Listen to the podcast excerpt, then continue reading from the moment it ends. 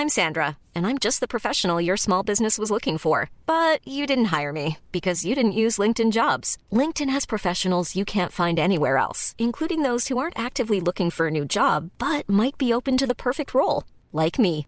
In a given month, over 70% of LinkedIn users don't visit other leading job sites. So if you're not looking on LinkedIn, you'll miss out on great candidates like Sandra. Start hiring professionals like a professional. Post your free job on linkedin.com/people today. Mandy Lane, untouched, pure. Since the dawn of junior year, men have tried to possess her, and to date, all have failed. Chloe, is she in? I'm working on it. You're coming this weekend, right? Right. She's coming to my ranch, dude. Welcome to paradise, Mandy. You seem different. It's because I am. I'm going to give the people what they want sensation, horror, shock. Send them out in the streets to tell their friends how wonderful it is to be scared to death. Välkommen till Skräckfilmscirkeln. Idag så är vi kärleksinspirerade pojkar. Vi har fallit head over heels in love med skolans snygging. Och både vi är alla jätte, jätteheta. Eller hon är het och inte vi. Men ni vet, alla älskar ju Mandy Lane. Ja, dagens film är alltså All the Boys Love Mandy Lane. Och för er som har gått i högstadiet överallt, ja, ni vet ju, det fanns alltid den där tjejen som alla var kär i. Eh, Fredrik, jag vet inte om du hörde på mig, men jag låter som om jag har ätit ett... Eh, en hel tallrik sandpapper. Och jag beskyller det här eviga... Eh, jäkla pollen ute. Jag är inte glad över det. Och jag var alltså på apoteket och eh, inhandlade eh, allergimedicin för första gången på 36 år. Så jag, jag, jag har levt 36 år utan att reagera på pollen en enda gång. Och nu, bang! Så här gammal gubbe som man är, då. Då kommer det. Och en rätt, kul grej var att pillerna är blåa. Så I took the blue pill, så att säga. Uh, hur, hur är din hälsa Fredrik? Du, har du återhämtat dig från din lilla covid-infektion där? Ja men det tycker jag. Jag är eh, tr- lite tröttare än vanligt. Jag känner att eh, jag, jag går i säng så mycket tidigare än vad jag vanligtvis gör. Jag vill skylla det på pollen. För att den här medelåldern, att jag börjar liksom första steget mot gubbe här, ska sitta och sova i soffan. Jag vägrar, jag är fortfarande ung. Oh, jag, jag, I'm down with the kids, eh, eller något sånt. Nej, jag är bara gammal. I övrigt är det bra. Ja men så bra. Eh, vi ska ju prata om All the Boys Love Mandy Lane idag. Men eh, först.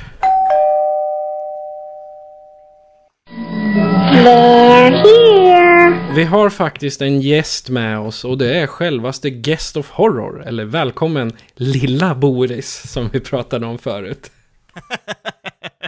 tack, tack, tack. Eh, Världens längsta Ja. applåd. Hur är det med dig Boris? Vi har ju suttit och rantat. Jo då, det är väldigt bra, det är väldigt varmt, så det är en passande film vi ser idag som är väldigt så här, varm eh, i tonen. Eh, men, eh, nej men det är bra. Det är kul att vara här. Mhm, kul att ha dig här. Du är lite tillbaka så här att säga. Eh, Men innan vi eh, börjar med filmen då så tänkte jag av ren tradition eh, prata lite om vad vi har sett sen sist. Så vad sägs om gästerna först? Hörni, jag har sett så lite film på senaste och jag tänkte på det här nyligen. Jag bara, varför har jag sett så lite film? Och så kom jag på att det är för att vi tar oss igenom oss, eh, Stranger Things 4 just nu. Oh. Och alla, alla avsnitt är typ en och en halv timme långa. Eh, alltså det är ju som, det är ju som man tittar på en film varje kväll. Eh, jag tror vi har typ tre avsnitt kvar. Jag för mig sista avsnittet är väl till och med över två timmar långt. Så. Ja men exakt, ja men exakt! Så jag bara, varför har jag inte sett film? Jo jag har sett massa Ja det har du bevisligen så jävla långt bara. Eh, och det är, väl, det är väl den kritiken jag har med säsongen, att den, den känns väldigt lång. Avsnitten känns väldigt långa. Det är inte bara så att de har lång run, runtime, det, det verkligen känns att eh, Eh, ja, jag vet inte vad man, vad man kunde gjort, om man kunde kortat ner säsongen eller om man skulle delat upp det mer eller på, på något sätt. Jag, eh, jag, jag har svårt när det liksom är jag förstår om första avsnittet är långt, jag förstår om sista avsnittet är långt, men just det här att alla avsnitt är så eh, långa, jag tycker det blir eh, eh, lite dålig pacing den här säsongen. Men eh, annars har jag, har jag tyckt om den, kanske inte är lika kär i den som, som många andra. Jag har sett många säga att det är bästa säsongen sedan säsong ett. Mm. Eh, men, eh, men fortfarande väldigt bra. Har någon av er sett den? Nej tyvärr, alltså jag är väldigt sen på Stranger Thing tåget. Jag har liksom sett första säsongen och sen har det inte blivit något mera för mig. Nej, jag förstår. Men man har så mycket annat att titta på, tv-serier till förbannelse att följa. Men ja, Ja. eh, nu när jag blir lite ledig här då kanske jag ska plöja lite Stranger Things. Det vore väl kul. Jo, men alltså det, det, det är en väldigt kul värld och det är framförallt eh, alltså det är väldigt roliga karaktärer och det är någonting de bygger ut i de senare säsongerna. Trots att de senare säsongerna inte alls lika bra som säsong ett, men, men det, är, det är en kul värld för att eh, karaktärerna är så bra. Eh, hela grejen med säsong fyra är väl att de försöker ehm, nu är de liksom, de är förbi liksom tween-stadiet, så nu är de väl så här 15-16. Eh, och då, eh, i den här säsongen, tar de väldigt mycket inspiration från uh, Nightmare on Elm Street, Oh. vilket är väldigt kul. Ehm, men det är ju också, än så länge så känner jag kanske inte att de har gått hela vägen. Alltså så här, eh, det är fortfarande den här liksom roliga eh, summer eh, kids on bikes känslan. Eh, men jag hade kanske velat att de eh, gick lite mörkare om de nu skulle göra en säsong där de säger liksom, ja men det här är en slasher. Mm. Ja men gör en slasher då, gör inte eh, liksom IT igen. Ja, för jag har förstått eh, det är väl en ny bov här. Ve- ve- Väckna eller Veckan eller vad nu heter. Exakt, Väckna. Väckna. Och det är väl då alltså den här slasher-boven här då, eller deras motsvarighet. Jag tänker, Precis. eh, utan att ha sett så tänker jag när du säger liksom att det är glattigt liksom Kids on Bikes movie. Så här liksom fjärde säsongen in, ytterligare då jävla vansinneshot från the upside down kommer. Skulle liksom, liksom vara konstant paranoid liksom stirra ut mellan persiennerna där liksom. Och bara, vara ångest 24 Ja. timmar om dygnet. Om man får de här karaktärerna. Jo, exakt. Och det, men det är också en liten konstig grej för att eh, säsong två är mer komisk än säsong ett Mm. och säsong tre är betydligt mer komisk. Alltså det, det är ju, jag ser nästan den säsongen som främst en komedi. Eh, och det var många som hade lite backlash Mm. på det. Jag tyckte om det för att jag kände så här, ah, de här karaktärerna, de, är ändå inte i fara liksom. Så här, nu vet vi att alla, alla favoriter kommer att överleva. Nu vet jag inte om det händer den här säsongen.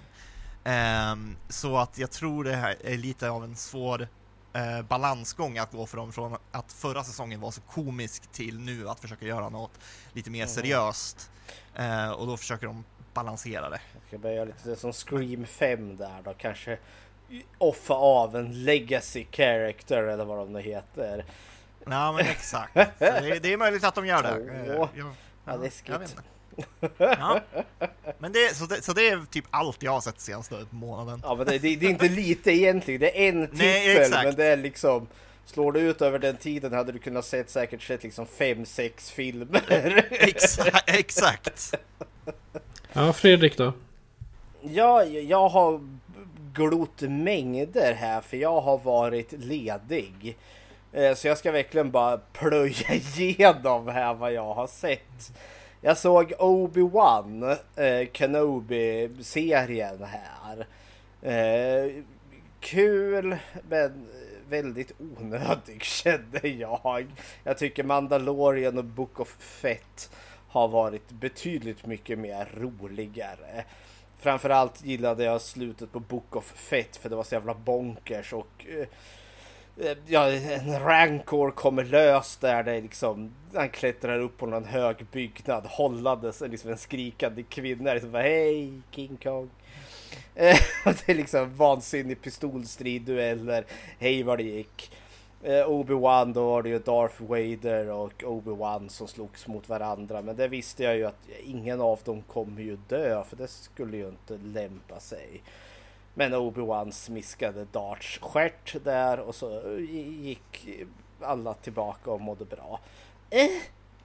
Eh, jag, jag har varit lite på en streak att se lite, eh, alltså se om gamla filmer som jag såg när jag var ung för att se om de håller måttet. Eh, och eh, jag såg om en film med Denzel Washington, eh, Eh, John Goodman och eh, Donald Sutherland. Eh, den heter då The Fallen. Den svenska titeln var något typ i, i ondskans spår eller om det bara ondskans spår. Eh, någon form av eh, urban liksom deckare lite i samma, alltså den känns... Alltså den finns nog bara till för att Seven kom innan och var ruskigt framgångsrik. Eh, men det här är en lite mer light Seven för den går inte riktigt så grafiskt grisigt in som Sevens otäcka värld är. Men vi har alltså lite den tonen. Men det här är en övernaturlig berättelse. Denzel Washington är en väldigt moralisk polis eller kriminalkommissarie där som utreder eh, eller har, har fångat en seriemördare eh, som eh, gjorde groteska eh, vansinnesdåd. Eh, och seriemördaren är avrättad, eh, inleds filmen med, men sen börjar morden ske igen. Oisingen voicingen eh, har de att göra då med en copycat? Nej, det har de inte. Det är samma mördare faktiskt. För twist low and behold, det är en demon som tar folk i besittning. Eh, och den hoppar då från person till person och fortsätter liksom sina mordiska eskapader. Och den är urgammal och urtråkad till tårar och eh, Denzel Washington har lyckats eh, fånga demonens intresse. För demonen kan nämligen hoppa från person till person genom, eh, genom beröring. Och eh, han lyckas skaka hand med Denzel Washington innan avrättningen sker. Och han, han kan inte ta över honom. Och då blir demonen, yay, en utmaning här. Denzel Washington skulle ha spritat tänderna bättre alltså. Eller han spritar dem för bra. För... Ja just det, för bra. för demonen kunde inte ta över honom. Men då blir demonen besatt här liksom. Åh nu, nu, han ska bli min. Eh, och så jävlas demonen med honom på alla de tänkbara sätt som tänkas kan. Demonen ska framea honom för diverse olika brott och liksom förstöra hans liv. Och så är det upp till Denzel Washington att hitta ett sätt att, eh, ja, bataljera fanskapet. Eh, den var kul. Jag rekommenderar den framförallt för dess slut. För det, jag vill inte spoila den här för den som inte har sett den. Men det är liksom verkligen så här. Nej men! När, när slutet kom där och man känner sig lite dum. Och kanske lite smart också om man såg det komma. Men ja. Eh, The Fallen. Absolut ingen jättehöjda rulle men en kul en, om inte annat. Jag vet inte vad du säger om mig, men när du beskrev plotten så var det första jag tänkte på, ja, det här låter som fredag den 13 9. Ja! Jason hoppar. det är första kopplingen det är. Fast uh, betydligt mer laid back, för ja, ja. Det, det, demonen är väldigt mycket mer, det är inte så här liksom att han hoppar in i en person och så fram med yxan där, utan det är väldigt mycket att demonen hoppar in i folk och sen bara finns den i närheten. Ibland vet man inte, är den där eller är den inte Aha. där? Den liksom smyger sig på sina offer och den förgiftar personer med hjälp av en giftspruta som den har. Det låter nästan som det, The det, Thing lite nej, grann. Ja men det är lite så, men samtidigt när demonen väl outar sig själv då är han jättevulgär och vidrig. Det är verkligen så här liksom ah, your mother suck cock in hell! Och det är liksom bara wow. Men annars är han väldigt sofistikerad. Och det, det, det spelar ju lite in i, alltså omvärlden tror jag att Denzel Washington håller på att bli knäpp här då. Medan den stackaren är liksom, han vet inte vem som är demonen och vem som inte är.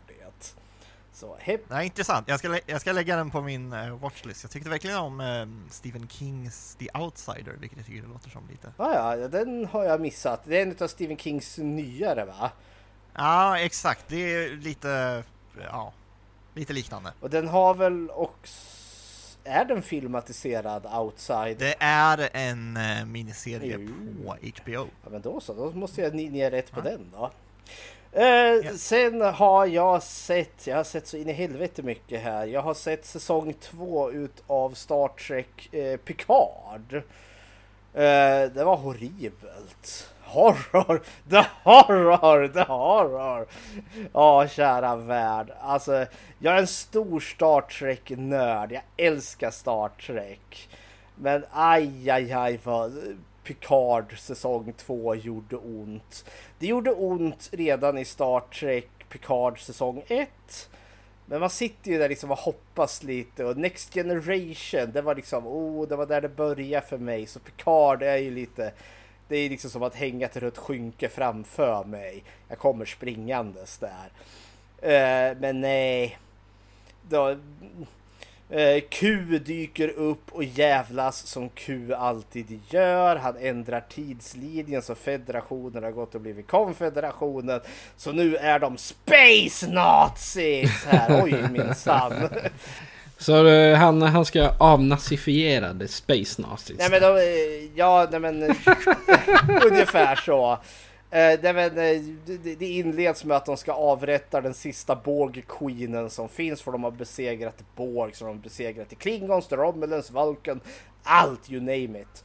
Eh, men då med hjälp av The Borg Queen som de måste gå med i någon jäkla osäker allians med så åker de tillbaka i tiden i den här ändrade tidslinjen för att förhindra att konfederationen blir till. Eh, men då åker de till 2024, uh, eh, ungefär vår tid. Problemet är att vi är ju rövhål. Det är väl ingen nyhet? Det är based on a true story, eller hur? ja, jag vet inte. Det, det, de... Kommer människor från framtiden så sitter det tre personer på en podcast och bara så ja, jag vet inte om jag, vad jag tycker om det. ja, men det är verkligen så här liksom, killen eh, som är från Chile han kommer tillbaka, när de åker tillbaka i tiden där och omedelbart så kommer det ju rasistiska poliser. Höpp, höpp! Du ser inte ut som vi, nu jävlar blir det spö. Han åkte till USA alltså? Jajamensan. Och så nu måste de rädda honom. The Borg Queen rymmer och ska assimilera hela jävla världen. Måste stoppa henne. Eh, någon annan dårtratt tänker, försöker förhindra dem från att förhindra att konfederationen händer för då har ju han insett att han blir ju jättepopulär i den tidslinjen men inte i den andra tidslinjen så då måste man stoppa han. Uh, och eh, de får tusen olika jävla plotlines. Uh, det är så slarvigt ihop uh, vad heter det skrivet manusmässigt. exempelvis de landar i Frankrike. Men med hjälp av sin teleportör så tar de sig till San Francisco då. Det köper jag. Men sen får de problem med han den här skurken som eh, vill eh, förhindra dem från att stoppa tidslinjen. Han åker tillbaka med en jävla dödspatrull och attackerar dem i Frankrike. Och det känns som att nu har de glömt bort att de var i Frankrike. För det är verkligen så här, haha! Nu smiter jag över och vi har en tickande klocka hela tiden här. Liksom. Och vi måste för här är det kritiska momentet som inte får förändras. Det låter, alltså är det Doctor Who du har tittat på eller? Det låter som typ varenda avsnitt i Doctor Who. Nej, det, det, är så in i helvete slarvigt gjort Star Trek. För de kör hela tiden stenhårt med att de får inte ländra någonting i det förflutna. Eh, men så mycket skit som de gör. Det är helt otroligt. Exempelvis de, de kommer ihåg att de ska komma ihåg alla små grejer. Så att de liksom inte lämnar någon teknologi eller något. Men de har teleporterat in några bovar rakt in i en vägg på en husbyggnad. Och liksom sticker ut där liksom. Äh, döda. Och liksom Får vi någon förklaring på hur vi löste det? Nej, det glömde vi bort. Manus. Nej, den var pissadålig och det var så synd för det fanns bra storylines för den skulle vara väldigt seriös när det handlar om trauma. Psyk alltså psykiska trauman, barndomstrauman och hur det påverkar det på gott och på ont. Så det fanns liksom en, en djup och allvarlig botten som jag tyckte, ja men det här jag vill gärna se att man går vidare på det, men de bollar tusen saker i luften samtidigt och manusförfattarna har liksom inte delat manus med varandra vilket gör att vi får plot holes på plot holes på plot holes på plot holes. Så, uh. Så, jag har sett två tv-serier. Obi-Wan Kenobi och Star Trek Picard säsong 2. Eh, Obi-Wan var bättre, men jag orkade inte riktigt bry mig. Star Trek, pissdålig. The Fallen, filmen. Det var helt okej. Okay. Så se den. Det är vad jag har sett. ja, jag har eh, inte haft så jättemycket tid att kolla på film, trodde jag. Men jag har börjat eh, The 100. Alltså en gammal tv-serie från 2014. Eh, eh, hela världen har gått under i ett eh, kärnvapenkrig. Och eh, 97 år, eh, nej Förlåt, så här är det. Hela världen har gått under ett kärnvapenkrig för någon tryckte på en knapp och så bestämde sig alla stormakter för att bomba varandra. Och eh, problemet är ju då att då blir jorden obeboelig. Men av någon anledning så blir alla rymdstationer kompisar. Och dockar ihop med varandra. Så att det är, jag tror det är 12, 12 eh, stationer eller något sånt där. Som dockar. Och där uppe så lever de här eh, stationerna som de har döpt till The Ark. De lever uppe i skogen. Eh, skogen. Uppe i rymden. Och eh, liksom lever sina liv där. Alla, alla brott straffas med döden. Eh, det är klart. Men när det här börjar så börjar eh, syreskaparna, alltså de här fläktarna som ska göra syre åt dem. De börjar tacka för sig. Så att de måste göra sig av med 400 personer. Och eh, i, de inleder med att skicka ner 100 ungdomar till eh, jorden. För man trodde att jorden behövde 100 år för att återhämta sig. Och nu har det gått 97 så de tänkte att men vi, vi skickar ner eh, 100 ungdomar som egentligen är brottslingar. Vi skickar ner dem så får vi se om de överlever. Och ja, de överlever för det är 100 avsnitt. Och jag tror att den sista säsongen kom i år. Jag ska bara kolla så att jag inte säger helt fel. Um, nu ska vi se. Där, säsong 7. Ja, nej, sista säsongen kom eh, förra året. I januari. Så att eh, 100 avsnitt har det blivit och eh, ja, jag fastnar i det. Jag har bingeat eh, fram till säsong 3 nu. Det är väl en liten hint till alla postapokalyptiska filmer som finns redan. Det är mm, en tjej som är eh, eh, huvud, den mest centrala huvudrollen som är hjälte så att säga. Så det är bra. Uh, om man ska se på den här så ja, det, den, är, den är inte så allvarlig. Ni kan ju titta på den när ni står och stryker tvätt eller någonting. Det var, det var, det var typ vad jag gjorde. Jag vek tvätt och då var det lagom att ha ett avsnitt på. Jag vet, jag påbörjade den här The 100 men jag gav upp den ganska snabbt. För jag stod inte ut med karaktärerna. Äh, sak, saken är ju den att du behöver ge det kanske...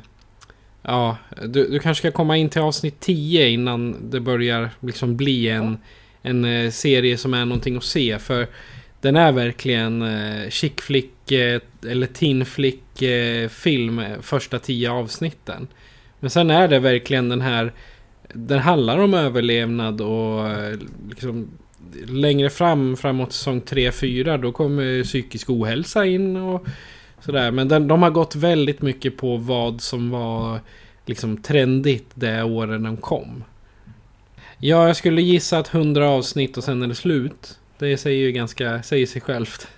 Jag tror jag gav upp vid typ säsong, eller avsnitt tre eller något sånt där. För jag satt redan och slet mitt hår i första. För jag, och jag kunde inte, jag vet inte om det är fel åldersgrupp för mig. För det var verkligen, det är verkligen en ungdomsfilm, eller ungdomsserie. Och det var ju verkligen, de är verkligen de här stereotypa tjejen och killarna. Och, för det jag inte kunde köpa med liksom att de slängs ut från The Ark från sina familjer. De har blivit dömda som kriminella och de bara kastas ner på jorden här, den här okända platsen. Liksom det är bara vildmark. Eh, och liksom jag vill ju se att de går in i någon form av överlevnadsmode. Men direkt så var det ju Åh, tittar du på min tjej eller? Åh, jag är värsta bro och jag är värsta Stacy. Åh, smink! Woo! Jag var inte den publiken, men det finns så jäkla mycket annat att se. Men jag pinar mig igenom den pissdåliga säsong två utav Picard. Så jag har ingen talan här egentligen. ja, Okej, okay. men det var det var jag har sett. Eh, och utöver det så har det, har det bara varit jobb och sånt som man, som man måste göra på dagarna. Men men, eh, dagens eh, film är ju vald av eh, Boris himself. Eh, kan inte du berätta lite eh, orsaken till att eh, du valde just All the Boys Love Mandy Lane? Eh, så jag vet inte om ni har så här, men, eh, men jag har definitivt en mängd filmer så här, i mitt huvud som jag har sett som kanske inte är favoritfilmer. Jag skulle inte säga att de är dunderbra, liksom. Men de bara återkommer till mig lite då och då. Um, och mm-hmm. uh, All the Boys Love Mandy Lane är en sån för mig. Jag har inte en stor filmsamling, men jag har, jag har den på Blu-ray och vissa andra. Och, och uh, uh, jag, jag, bara känner att filmen har någonting, uh, någonting värt att diskutera. Um, just nu så var anledningen att jag kom att tänka på den var först och främst det här året såg jag Ty Wests nya film X. Jag vet inte om någon av er har sett den? Nej men jag, jag, jag, har läst jättemycket gott om den. Så jag är så psyched att se den. Den är på min lista. Mm. Uh, nice. Ja, uh, den är väl värd att se. Uh, och det är likt All the Boys of Mandalane så är det väldigt mycket så här. storyn i sig är inte så mycket Motorsågsmassakern, men själva stilen och, eh, och liksom den gör väldigt många callbacks till Motorsågsmassakern och, och 70-talsfilm eh, generellt. Så det fick mig att tänka på All the Boys Love Mandy Lane. Att, eh, ja men kanske om man har någon liksom filmkväll där man vill ha liksom så här, ja, sommarskräck. Kanske man ser Motorsågsmassakern, sen kanske man ser X, Sen när man är några öl in, då kanske man ser All the Boys Love Mandy Lane eller något så här. Eh, eh, men, eh, och sen har vi ju då också den här rättegången mellan Johnny Depp och Amber Heard. Eh, så det var den andra saken som är i år som jag var såhär, ja men nu börjar jag tänka på All the Boys Love Mandy Lane igen, jag borde se den igen. Eh, och eh, ja, jag vet inte om jag har så mycket om det att säga egentligen. Eh, från de konversationerna vi hade innan det här avsnittet så verkar det som att Fredrik, du är mest insatt i det. Jag vet inte om du är insatt alls, men Kanske mest utav oss Nej, men alltså, Jag vart ju bara väldigt glad när du nämnde Old Boys Love Mandy Lane. För jag var, det, det var lite samma här. Liksom på något vis och vänster så har den här filmen lämnat något form av avtryck. För jag vet att jag tror inte jag har sett den här filmen på mer än tio år eller något sånt där. Och då har jag bara sett den en gång innan. Men den enda gången gjorde liksom att det var något som fastnade där. Jag kommer ihåg att jag var inte helt och hållet nöjd med den när jag såg den första gången. Men den har alltid funnits där. Jag vill nog återvända till den ändå. Jag är ändå så uppgraderat från DVD till Blu-ray när det kom till den här. Så liksom det har bara funnits något. Den har funnits där och surrat liksom. Bi, bi, bi, bi. Det är någonting med den där jävla Mandy Lane. och nu fick jag ju skäl att se om den igen och det var väldigt roligt för liksom nu har, har man blivit lite äldre och man ser den kanske lite i ett annat ljus och så har man fått tagit till sig lite annat eh, material runt omkring. Plus också när jag kollade tillbaka. Oh, Old Boys Love Mandalay. Vem spelade den? Oh, Amber Heard. då, då kom ju det också. Bara för att det varit så i ropet med den här gräsliga rättegången som har varit. ja. Men eh, ska vi ta och lyssna på en eh, trailer till den då? Jajamän. Eagles, Eagles, we're number one. Let's go have some fun. There she is, boys. Mandy Lane. Untouched, pure. Since the dawn of junior year, men have tried to possess her, and to date, all have failed. Chloe, is she in? I'm working on it. You're coming this weekend, right? Right. She's coming to my ranch, dude. Welcome to paradise, Mandy. You seem different. It's because I am.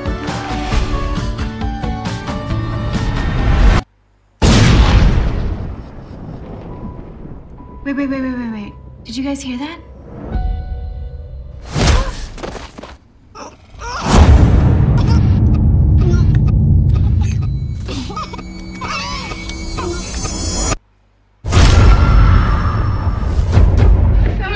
There. There's nobody out there. Nobody around for miles.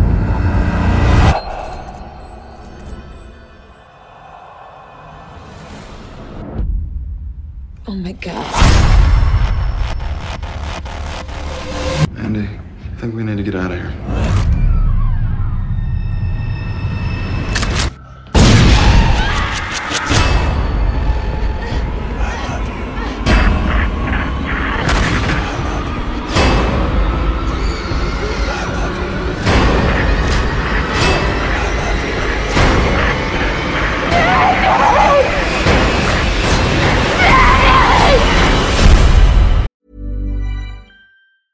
If you thought the only way to get a more defined jawline with natural looking results was through surgery, think again. Juvederm Volux XC is a non surgical injectable gel filler that improves moderate to severe loss of jawline definition and can help you achieve natural looking results with little downtime. Even better, this improved definition lasts up to one year with optimal treatment. No maintenance required. Improve jawline definition for a smooth, sculpted look with Juvederm Volux XC. For important safety information and to find a licensed specialist, visit juvederm.com. That's J U V E D E R M.com. Not for people with severe allergic reactions, allergies to lidocaine, or the proteins used in Juvederm. Common side effects include injection site redness, swelling, pain, tenderness, firmness, lumps, bumps, bruising, discoloration, or itching. There's a risk of unintentional injection into a blood vessel, which can cause vision abnormalities, blindness, stroke, temporary scabs, or scarring. Talk to a licensed specialist to find out if it's right for you. Burrow's furniture is built for the way you live. From ensuring easy assembly and disassembly to honoring highly requested new colors for their award-winning seating, they always have their customers in mind. Their modular seating is made out of durable materials to last and grow with you. And with Burrow, you always get fast, free shipping. Get up to 60% off during Burrow's Memorial Day sale at burrow.com slash ACAST. That's burrow.com slash ACAST. burrow.com slash ACAST.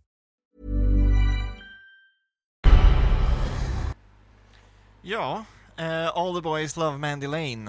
Uh, en uh, lite indie-hit från 2006 med då Amber Heard i, i huvudrollen. Ehm, den här filmen har en väldigt intressant backstory som vi kan eh, grotta ner oss i eh, lite senare kanske. Men eh, eh för att beskriva vad den handlar om så, ja, storyn är väl egentligen väldigt mycket, eh, väldigt simpel. Ehm, Mandy Lane är eh, då vår huvudkaraktär och eh, vi öppnar upp och det, det är första dagen tillbaka i high school efter sommaren har tagit slut. Och eh, det är ju som helt plötsligt är alla ögon på Mandy Lane. Hel, alltså, I filmens perspektiv här nu så är ju liksom helt plötsligt från ingenstans, över en sommar har hon gått och blivit superhet, eh, tycker ju då alla. I, ja, eh, jag tror på baksidan av, eh, av eh, vad säger man, i beskrivningen för filmen så står det så här, ja, alla killar vill ha henne och alla tjejer vill, vill vara henne. Um, och det är en liten sån vibe. Um, hon är bästa kompis med en person som heter Emmet, som vi inte ser så jättemycket i, i filmen. Han är med i, i början också.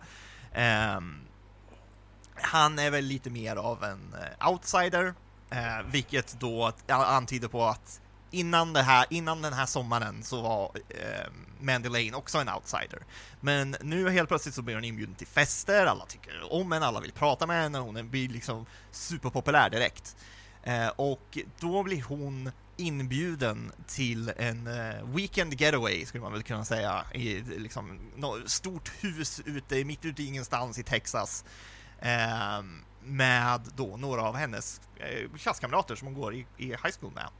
Och här så... Um, no, det här är rätt så långt in i filmen, alltså, kanske 45 minuter eller någonting. Här så uh, gör high schoolers vad de brukar göra i high school-filmer. De dricker, de tar droger, eh, de har sex.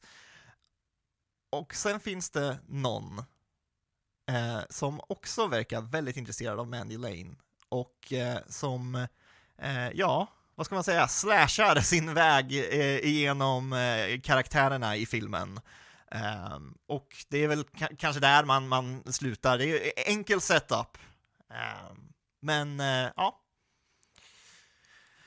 Eh, och eh, ja, som sagt, jag, jag, valde den här filmen för att liksom, jag, jag har alltid tyckt att den har någonting. Jag tror det här kanske, det kanske bara är tredje eller fjärde gången jag sett den. Jag har inte sett den på många år nu. Ehm, och eh, ja, jag är väldigt intresserad av att höra vad, vad eran relation med den här filmen var. Eh, Fredrik, du sa ju lite, men Patrik, hade du sett den? Alltså, jag såg eh, trailern till den här på YouTube. Bara för, ja, av någon anledning. Den kom väl upp i samband med att jag snurr, snurrade runt på, på någon annan eh, trailer. Så tittade jag på den och för jag kollade i min historik. Ja, ja men jag, jag hade sett den förut. Och ja, äh, men sen glömde jag av den. Och så som alla som har lyssnat på de här hundra, hundra avsnitten tidigare vet att jag är ganska aktiv och springer ute på loppisar. Och då hittade jag den här på Blu-ray. Och jag har sett den en gång men det var ju evigheter sedan såklart.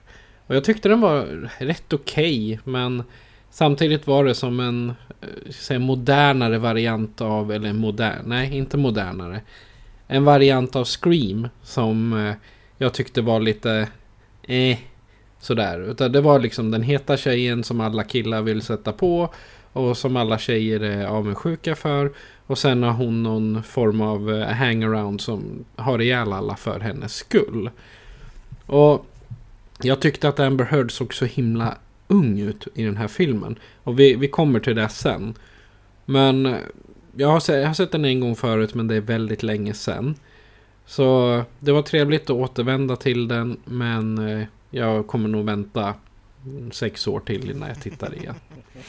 Eh, jag tänkte, ska vi, ska vi prata lite om bakgrunden till filmen? Det kan vi eh, väl göra. För jag, tycker, för jag tycker det är väldigt intressant. På den här Blu-rayn jag har här så står det från producenterna av Scream och Death Proof Uh, och, och, då vet ju kanske alla som är filmintresserade att det är Weinsteins mm. och mig. Och sen, och sen börjar de skriva om hur bra Amber Heard är. Det är bara uh. problematic här. uh, i, en, i, en, I en box. Problematic in en box. Ja, Men, det, det, är lite lustigt för liksom filmen i sig är inte så problematic. Det är inget som är problematic. Men så här i efterhand liksom har vi liksom två ganska stora namn som har blivit väldigt problematic. Dels, Am ja. dels Amber Heard och sen Harvey Weinstein. God diggly damn! Exakt. Men jag tycker det är väldigt roligt hur man väljer att marknadsföra eh, film från, från, producenterna av Scream och Death mm -hmm. Proof. Eh, och, eh, alltså, Weinstein gjorde inte någonting liksom, med skapandet av nej, den här filmen. Gud, eh, någonting, då, då, eh, det blev en eh, budgivning efter en filmfestival och sen vann de budgivningen. Mm. men sen valde då Weinstein Company, de köpte upp den här för ja, 3 miljoner dollar eller någonting. Eh, mycket pengar för alla involverade. Mm. Eh, och tänker, okej okay, nu blir det här, nu blir det här liksom någon form av film de tänker lansera. Eh, det gjorde de inte. De hade lite testscreenings, äh, det gick sådär, kanske, do, kanske dåligt till och med. Mm. Death Proof var också en sån här, eller Grindhouse var också en sån här eh, skräckfilm, eh, stor satsning på Mhm. skräckfilm som de försökte göra. Det gick inte heller så bra. Ja, då la de den på hyllan. Mm. Eh, och sen kom den väl inte ut i USA förrän liksom 7-8 år senare. Den kom ut på bio eh, i eh, England och sen på DVD här Mm. eh, i Europa. Men, men liksom eh, Eh, ja, jag vet inte, det känns för mig liksom helt eh, absurt att man spenderar så mycket pengar på att köpa in en film och sen, och sen bara lägga den på hyllan. Det är lite fascinerande för det blir lite så här kittlande tanke, Alltså hur många mer filmer finns det i sin helhet som bara ligger och samlar damm på något filmbolags ja, hylla någonstans. För det var ju i stort sett det ödet den här filmen hade kunnat drabbats av. För rent tidskronologiskt, den spelades in 2006 där för, un- för en budget av 6 000 dollar. Nej, 600 000 dollar. Eh, och sen gick den ju runt där då på någon internationell filmfestival där. Där den rönte väldigt mycket framgångar på just de här skräckfilmsfestivalerna. Det var mycket fans som tog sig dit. Och det var därför Weinstein köpte upp den då för 3 miljoner. Men sen precis som du sa gjorde man testscreening så de bara nej usch. Och då liksom nej men då lägger vi den här på hyllan. Sen var det väl vart Amber Heard, för det här är ju typ hennes, en av hennes absolut första alltså, filmroller där hon också är huvudroll. Hon vart ju lite mer, alltså vart ett större namn och sen har vi ju eh, Anson Mount som också vart liksom ett litet större namn där. Och liksom i och med att de vart lite kända så vart det så här, ah, nu kanske vi kan marknadsföra den här. Liksom, oh, Amber Heard, kommer ni ihåg henne? Hon är ju populär här. Här har vi hennes första film. Och då var det liksom 2013. Så den här låg och samlade damm på hyllan i sju år innan den slutligen kom ut. Och det märks ju, alltså den är ju smått föråldrad i teknologi och allt Det är sånt. också det som är så fascinerande med just som säger att den är föråldrad. Framförallt ses det ju på de här flip-out-telefonerna de har. Men den har ju en sån speciell stil till sig. Det är det som får den här filmen att sticka ut. Eh, Och om jag har förstått det rätt så har ju han regissören, vad heter han nu? Nu ska vi se här. Eh, ja, du kanske har det framför. Jag Jon- glömmer alltid bort hans namn. Jonathan Levin, eller Levine. Eh, Han har ju, alltså den är ju medvetet filmad för att den ska ha en 70-tals vibb, aura till sig. Så den är ju filmad i, eh, med hjälp av liksom riktig film och så har man ju lagt på någon form av lins för att få lite den här matta färgen. Och de har medvetet också valt liksom av färger gult, brunt, guld som liksom var så typiska 70-talsfärger. Eh, så det är det som får den här filmen att sticka ut. För alltså kort och gott, det här är en slasherfilm. Kåta ungdomar någonstans och så kommer det en slashermördare där och bara eh, offar dem en efter en. Men den har det här lilla extra, så det här är ju inte fredagen den 13 eller Scream eller något sånt där. Den har inte det här liksom glattiga glosset. Det är liksom... Jag satt och tänkte här när jag såg om den här att det här kändes som att det här är nog den mest realistiska slasher jag har sett. Tror jag. Det är liksom det karaktärerna känns väldigt hämtade ur en verklighet. Scenariot är ganska autentiskt. Det har liksom inte det här liksom lilla, eh, vad heter det, fenissen utav filmfantasi som säg Scream och Halloween, eh, Eh, Fredagen-filmerna har. Utan det fanns något så i den här filmen som gjorde mig att det, det här känns lite mer autentiskt och slasher-morden också är ju inte heller riktigt slash slash slash alla gånger. nej, men jag tänkte säga det, här, det är någonting jag faktiskt tänkte på under den här filmen, att eh, just för att kanske att de använder skjutvapen och eh, sånt, alltså det här det fick mig att tänka på eh, massskjutningar helt enkelt. Eh, på ett sätt som jag aldrig har tänkt en slasher på, på det sättet tidigare. Alltså så här, man skulle ju kunna se liksom, ja men Scream eller eh, ja, vilka andra som helst skulle man kunna dra de parallellerna till. De har ju också manifeston i de filmerna och, och sådär. Men det är ju där du säger att det finns ju någon form av liksom, ja, det, det känns fortfarande film liksom.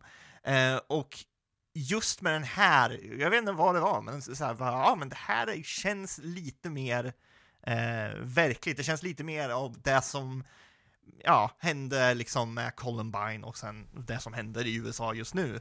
Ja, men det är ju, det gör de ju den här, alltså de, eh, hans eh, M1, hans tröja står ju Natural Spoiler. Selection. Eh, Eric Harris hade en likadan vid Columbine eh, shooting. Eller ja, exakt. Så, så det, min poäng är att liksom, den här filmen händer inte utan, utan Motorsågsmassakern och alla mm. de där 70-talsfilmerna den tar inspiration från.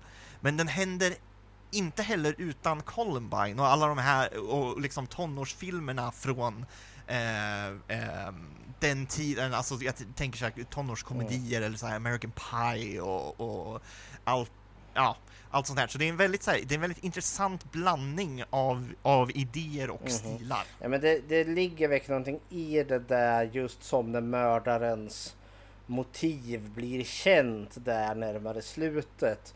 För jag satt också och tänkte att det här känns mer ja, men som en skolskjutare, liksom en sån instabil galning. Och det brukar slashermördarna också vara, men det är en sån pajig nivå på dem. Jag har till och med Scream har väl till och med gjort det här liksom att, ja men, att det, det finns något, ja men jag har försökt liksom spunna lite på det men aldrig nått det. Medan mördaren i den här filmen, alltså jag köper verkligen det här. Det, det, det har en viss ferniss utav true crime till sig mm. som en slasher inte har. För liksom om en sån här massaker som säg, ja men fredagen den 13.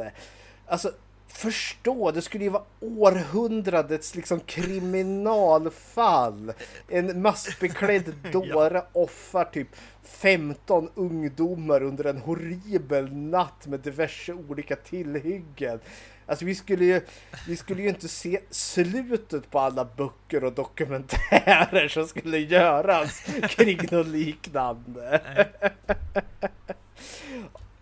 Nej men exakt. Uh, och sen, uh, vad tänkte jag uh, mer på här? Att, alltså jag gillar verkligen så mycket med den här filmen. Och, men liksom alla mina problem jag har är väl mest med, med mm. manuset. alltså jag tycker alla idéer, metaforer, liksom och teman Eh, är, är liksom, det, det, är bra och filmen sätter dem. Eh, men det jag lite har problem med, jag tycker början är jättebra, jag tycker slutet är jättebra. Det är det här delen i mitten, när det verkligen blir en mm. slasher, eh, där det känns tyvärr lite så för standard och lite för så här, fylld med mm. klyschor, typ. Min, jag såg den här med min fästmö och hon liksom beskrev den som att, att filmen helt plötsligt blir väldigt cheesy. Och det är någonting jag kan hålla med om. Så här, ibland så helt plötsligt så blir det bara så här, okej okay, nu är det en dum mm. slasher. Ja men okej, okay, nu är vi tillbaka till att ha någonting att säga igen. uh... Och jag vet inte, jag, jag tyckte nästan att den hade för lite cheese. ah, okay. liksom, ja, den, ja. Jag är helt med på spår för den blandar verkligen den här ganska gritty tonårs det är väldigt mycket så coming of age med ganska jag vill inte säga totalt osympatiska karaktärer men eh, ganska relatable ungdomar. Vissa av dem är ju helt jävla horribla. Men det ja. känns som att det är det är som en mycket mer dark and gritty eh, vad heter det vad, vad heter de nu Beverly Hills. Heter det inte så? Nine oh, no, no, Ja, no, men, ja, ja, Som verkligen spinner iväg på just det här med droger och sex. Är liksom en mycket mer dark and gritty Dawson's Creek möter en möter fredagen den 13. för för vi, vi blandar ju verkligen slasher-mördaren som står och blänger in i, i fönstret där, ståkar dem, till att få det här liksom relationsdramorna eh, där de liksom är fulla och skriker på varandra. Ja, exakt. Ska vi börja snurra in lite på våra karaktärer här? Ja, det var det jag Nu tänkte. har vi ju redan spoilat här. Mördaren är ju Emmet. Men vi, vi, eh, vi, vi, vi sparar väl honom kanske lite till slutet här. För det finns ju lite mer öv... Det, Jag har, jag har en hel del att säga om M1 och hans eh, person. Så vi behöver inte diskutera honom alls under karaktärerna. Vi tar honom under hotet. ja, men jag, jag, har- jag har lite att säga om honom innan vi får eh, twisten att han Och nu, är mördaren. Vänta, jag vill bara Och- säga nu här att, så här, att Emmet är mördaren, det är ingen jättestor spoiler, man, man får reda på det här liksom rätt så fort. Eh, eh, eh, det, eh, alltså det, det är ju uppenbart från liksom första, första mordet att det är han. Det finns mer i filmen att, eh, ja, det är inte det som är the big reveal, så tro, att lyssnarna inte tror att vi har spoilat liksom, eh, slutet här. Nej, men alltså ja, nej, men vi, vi kör väl igång här och vi tar väl våran titelperson som vi alla sitter här och trånar så efter.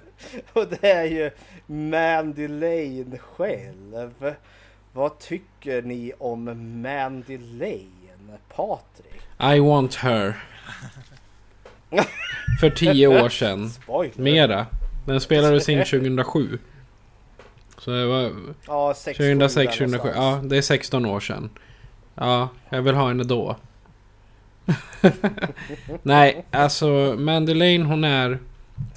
Alltså som jag sa i början, alla hade ju en... Eh, den här... All the boys want her, all the girls want to be her. Jag tror det är nog ingen skola som inte hade den personen. Och sen kanske det visar att den personen var världens douche eller eh, världens mest omtyckta person eller whatever. Men jag gillar henne så att hon bara borstar av alla, allas eh, blickar hela tiden. För jag vet inte om ni tänkte på det men hon kommer gå in i en korridor och alla bara stannar upp och tittar. Mm. Det är lite klyschigt men jag, jag upplever ju alltså att hon är ju sjukt obekväm eh, för den här, alltså den här uppmärksamheten hon får. Hon har ju liksom inte valt eller ansträngt sig för att bli den mest populära tjejen, den mest åtråvärda utan det är ju snarare hennes omgivning som har gjort det här beslutet åt henne. Och hon, som jag upplever det helst, alltså, hon befinner sig någonstans där hon samtidigt tycker om den här uppmärksamheten. För hon, vad ska hon vara? Typ 16-15 år. Och det är ju skitnice. Och liksom få den här uppmärksamheten. Men hon vet inte hur hon ska hantera den heller. För alla är ju verkligen på henne som att hon är ett objekt. Och det är ju så omgivningen pratar om henne som den stora erövringen. För hon är den här fantastiska snyggingen som ingen har lyckats kommit över. Så hon blir lite den här... Alltså hon... hon det, det, det finns en, alltså en sårbarhet hos henne som gör att jag ömmar ganska mycket för henne. Just för att jag känner liksom, ja, hon vill med på det här partyt. För liksom att hon vill väl, ja men hon vill väl ha vänner. Hon vill väl liksom testa, men hon har ju inte så mycket vänner. Hon har ju bara folk som trånar efter henne. Så jag känner, mm, jag, jag känner en enorm utsatthet hos henne. Eh, som gör henne enormt jävla relatable. Jag ömmar så för henne. Och samtidigt har hon ju ganska mycket skinn på näsan att kunna hålla de här kåtbockarna på avstånd. Men samtidigt också försöka spela med i något socialt spel. För gör hon inte det då kommer hon bli totalt utanför. Ja, det är mina tankar kring Madeleine Boris. ja, nej men alltså, du sa i princip allt som, som jag hade tänkt att säga där. Alltså, det jag tycker den här filmen gör väldigt bra är att eh, skildra det här sociala spelet som, som fanns i, i skolan för att eh, liksom jag var inte i skolan mm. för att lära mig, jag var i skolan för att vara med vänner. Eh, och eh, alltså att vara nu vad populär betyder. Mm. Liksom så här, det, det betydde skitmycket. Man ville inte att det skulle betyda skitmycket, men det var så. Man ville ju inte vara, vara utanför, man ville inte vara mobbad. Och om, om en person som man inte ens kanske tycker om, men man vet att den personen är populär och säger ja, ah, ska vi göra någonting, ska vi hitta på Ja, men såklart man följer med på den här skittråkiga festen eh, av där liksom hon har ingen där är hennes vän. Eh, liksom, till början ser liksom tjejerna eh, henne som ett hot eh, och killarna är bara äckliga och vill tafsa på henne. Eh, senare så liksom lyckas hon komma lite närmre eh, tjejerna, men då blir det ju lite som att eh, ja, det blir en jobbig situation för henne för att de säger liksom ja men du är så mycket snyggare än oss. Eh, och liksom så här, allting i hennes liv helt plötsligt handlar om hennes utseende.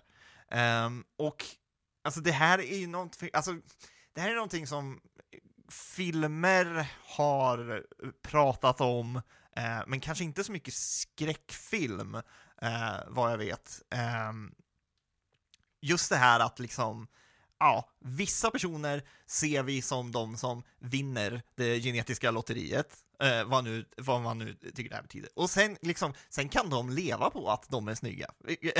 eh, liksom, det, här, det finns människor som dansar på TikTok och tjänar miljoner. Eh, jag vet inte, jag tycker bara det är en väldigt, så här, det är en väldigt intressant, set, unik setup. Ehm, och ja.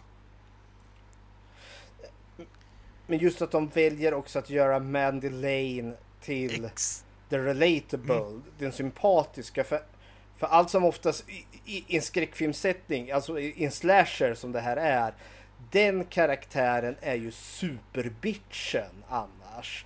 Som liksom är den som eh, vi som publik liksom bara ska hata, hata, hata. Som ska åka på ett extra jävla hårt när slashermördaren kommer. Det som far upp i mitt huvud är ju fredagen den 13 del nummer 7. Där har vi Melissa tror jag hon heter och hon är verkligen superbitchen. Som är liksom hon är snygg och hon har, hon har pengar och hon har, det, ja, där är det hennes gård de är ute vid. Och hon blir sparad ungefär till slutet när Jason väl liksom dyker upp och bara planterar en yxa i pannan på honom. Splatt!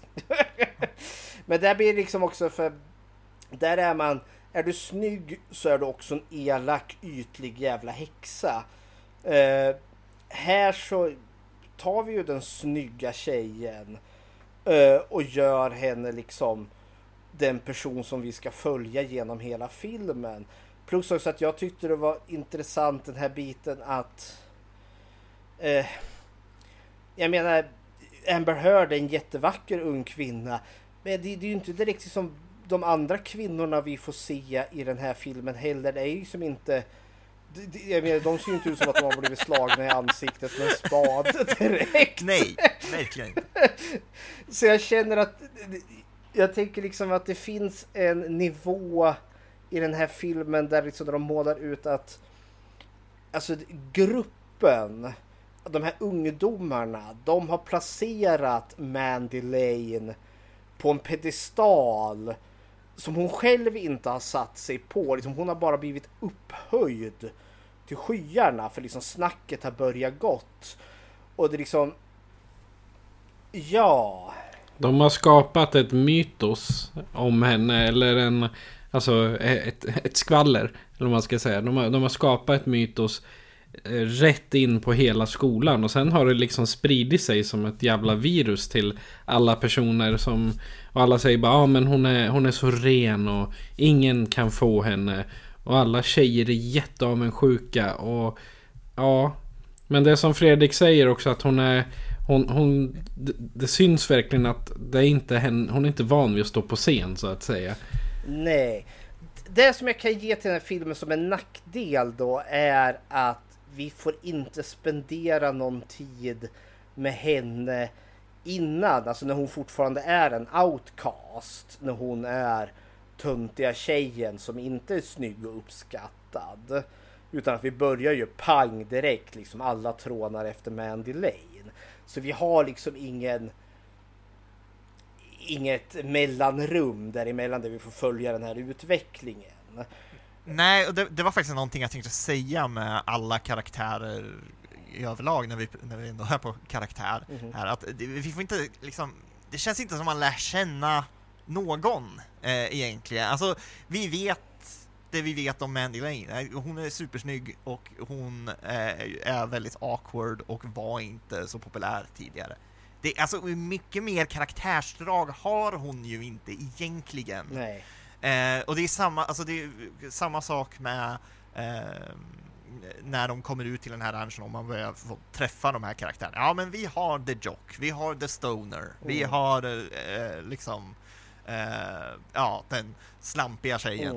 Eh, Och den så att- töntiga. ja, den töntiga. Ja, men och jag tänker också att för vi, vi, hela gruppen är ju, precis som du säger, ganska ytlig egentligen. Men det är också där att jag tänker, det funkar i den här kontexten för att gruppen som möts, de känner varandra sedan tidigare. Men Mandy Lane är det nya in där. Och alla killarna där är ju intresserade av henne. Så jag tänker att hade hon inte varit där, då hade vi kanske liksom haft en mer inte vet jag, det hade varit high drama där ändå för det finns några riktigt så här dramakaraktärer där. Men jag tänker att det finns, de är inte riktigt där i egenskap av sig själva utan de är ju alltså dynamiken i gruppen är inte eh, vad far jag efter? Alltså, alla känner ju inte varandra så väl på grund av Nej, att men- Mandy ja, ja. Lane är där. Men eh, som jag upplever, för det finns ju det finns ju ytterligare en karaktär utanför de här ungdomarna och det är ju han Gart. Eh, vad heter det? Garf. Garf! Eh, the, the Ranch Hand. Jag vet inte hur man översätter det. Eh, Typ va? dräng. Dräng! Ja, men en modern typ av dräng. Det är Ja, det- samma, det- samma princip. Ja, någon form av vaktmästare, groundskeeper. Ja, fan det- exakt. Eh, Hjälpreda, Ja. jag vet inte vad man ska säga. Ja, för jag känner, när Dräng. Hon, ja, när hon... Okej. För han är ju äldre. Eh, han är liksom typ egentligen den enda vuxna närvaro vi har i den här filmen. För när hon, Mandy Lane, är med honom då känns det lite som att hon kan släppa garden för han ser inte på henne med samma lustan som de här andra prepubertala ungdomarna Eller? gör. Fast skulle du inte säga att han gör det? Ja, eller om han har vett att lägga band på det. Jo, eh, absolut. Typ. Och- och- Typ. Typ. Men eh, han gör fortfarande kommentarer som liksom, ja men om, har du någon syster som är tio år äldre? Ja just ja det är Eh, sant, det är sant. Det är fortfarande, alltså det finns fortfarande den dynamiken där och den dynamiken finns mellan Mandy Lane och alla karaktärer i den här filmen. Eh, nu så verkar inte Garth som liksom ett, ett eh, Nej men störst, ett, liksom det största rövhålet i världen, Nej. det är inte det jag säger. Men fortfarande den här, den här lusten efter henne finns fortfarande där, Mm. trots att han vet såklart att han, att han, ska, han ska lägga band på sig själv Mm. och sådär. Men eh, en, han gör det ändå uppenbart att, att den finns där. Mm. Han han är väl den minst rovdjurslyssnare utav Ja. de allihopa där. Ja, kära någon. Eh, vi har ju ytterligare en aspekt här tänker jag, som jag vet inte om det spär på den här populariteten. För vi har ju han eh, jag jag skriver upp ka- karaktärerna Dylan. Jag jag försöker bara skriva upp så jag kommer ihåg dem. Så jag Ja. skriver lite bara liksom eh, karaktärsdrag så jag ska komma ihåg dem. Och Dylan har bara skrivit rövskalle efteråt. Det är ju den här första poolfesten. Eh, Ja. Som han, för han känns som att han måste vara äldre. För det är här egentligen första gången då hon möter den här gruppen som hon senare kommer att åka ut med. För han bjuder ju in henne på någon jävla poolfest. Och han är ju superslemmig och äcklig. Och han är verkligen en douche bro så står det härliga till. Lång historia kort. Han, det slutar ju med att han dör. Han hoppar ju från ett hustak där han ska hoppa ner i poolen men missar ju och slår skallen i, i poolkanten och dör. Allt För tack sen- vare M1. Ja, M1 finns ju med där på ett hörn. Eh, som pushar på lite för den här fulla eh, douchebron att hoppa där ändå. Men eh, för sen hoppar ju filmen nio månader senare. Och det, för det var någon som kläppte ju som en kommentar, hon är jävla svår. Mandy Lane, hon är så ouppnåbar. Folk har till och med dött för att liksom nå henne. Så det, dödsfallet av Dylan spelar liksom in i den här liksom myten om den helt otroliga Mandy Lane. Tänkte Ja, jag. och, och sen den sista saken jag tänkte nämna när vi pratar om karaktärerna här var eh, Fredrik, du nämnde ju där liksom så här, det är ju inte som att Mandy Lane är liksom så här så mycket snyggare än alla andra. Eh, men det är ju det här temat i slasherfilmer med oskuldhet. Mm. Eh, och att det är liksom någonting för eh, ja, killarna i den här filmen att liksom erövra. Eh, det är många, många scener i den här filmen där liksom eh, karaktärer stirrar på henne som om hon vore liksom, ja, en köttbit Mm. liksom. Eh, eh, en, eh, ja, någonting att, att jaga. Och det tycker jag är väldigt intressant från liksom när man sätter i en slasher som har ett så här liksom the, the final girl trope. Mhm. Ehm, att, eh, ja, men att, att leka med det här lite. Ja, men det, det, det finns till och med en scen här n- när strömmen går i huset ungefär i mitten av filmen. Och så är det liksom de tre killarna som finns där i huset. Alla liksom sitter och bara stirrar på henne. Bara, "Åh, Strömmen har gått. Eh, är det någon som vill gå och fixa det? Nej, ingen vill gå och fixa det för alla är så nervösa att den person som ska bli kvar ska kunna liksom få någon form av fördel att kunna ragga på Mandy Lane. Så alla är liksom villiga liksom att sitta kvar i mörkret här då. Liksom det blir helt orimligt alltihopa. Men eh, det, jag, det jag gillar här också för eh, om jag nu får killgissa och det får jag ju. Eh, eller bara tycka lite här, alltså just det här sexualiseringen utav Mandy Lane. eh, Det hör ju, alltså, och- en slasherfilm, alltså där kvinnor ska bli nakna, det hör liksom slasherfilmerna till. Det, är liksom, det ska vara boobies och det ska vara eh, rumpor där. Eh, och det är verkligen hi-fi, yeah! För man gjorde ju slasherfilmerna liksom framför allt för liksom en tonårig manlig publik. Här tycker jag, vi har ju kvar det här sexualiserandet. Eh, men... Välkommen tillbaka Boris! Tack! Tek- tekniska bekymmer. Ingen podd utan tekniska besvär. Nej, det, det hör, väl, hör väl till. Jag hade en tanke att påbörja här om vad var det, sexualiseringen utav kvinnor eh, och slasherfilmer. Ja. Eh, och eh, jag tänker den här filmen gör ju verkligen en poäng utav sexualiseringen, framförallt av Mandy Lane. Eh, men som sagt i, i, i slasherfilmer alla fredagar den 13 så är det ju liksom boobsen ska fram. Det är liksom det, det är väldigt liksom riktat the, the male gaze. Alltså det, det är nakenhet och erotik riktad till män. Eh, aldrig liksom sett ur något form av kvinnligt perspektiv. Och den här filmen upplever jag gör det åt andra hållet. För den här är också liksom enormt sexualiserande. Men det är inte trevligt. Som jag upplever det. För jag känner inte bara med Mandy Lane, men jag känner med de här andra kvinnorna, Chloe och Marlin också, att de är ju bara utnyttjade för eh, ja, sex. Rätt och slätt. Eh, och jag upplever att den här filmen kontra andra slasherfilmer gör en poäng av att det här sexet som dyker upp i den här filmen det är inte trevligt. Det är inte riktigt på lika villkor kontra en fredagen den 13 film där det liksom är boobies, high five. Så det Ja, var en tanke jag hade. Ja men exakt, jag tänkte också på just det här uttrycket the male gaze när jag såg den här Mm. filmen. Att Det, det känns väldigt medvetet eh, när the male gaze används. Och sen är det alltid, det är alltid tufft att veta vad som är medvetet och vad som inte är medvetet. Mm. Speciellt också eftersom att det är, en, det är en manlig regissör. Hade det varit en kvinnlig regissör hade nog man kunnat dra lite mer slutsatser Mm. om att ja, men det här är gjort för, eh, för att öka det konstnärliga eh, värdet och så vidare. och så vidare. Ehm, men jag skulle nog argumentera för att eh, alla de gångerna man skulle kunna eh, klassificera som ah, men det här är en klassisk här, male gaze scen eh, är det eh, väldigt medvetet. För vi som tittarna vet ju också om hur obekväm Mandy är med den här uppmärksamheten och nu ger vi tittaren också den här uppmärksamheten till henne.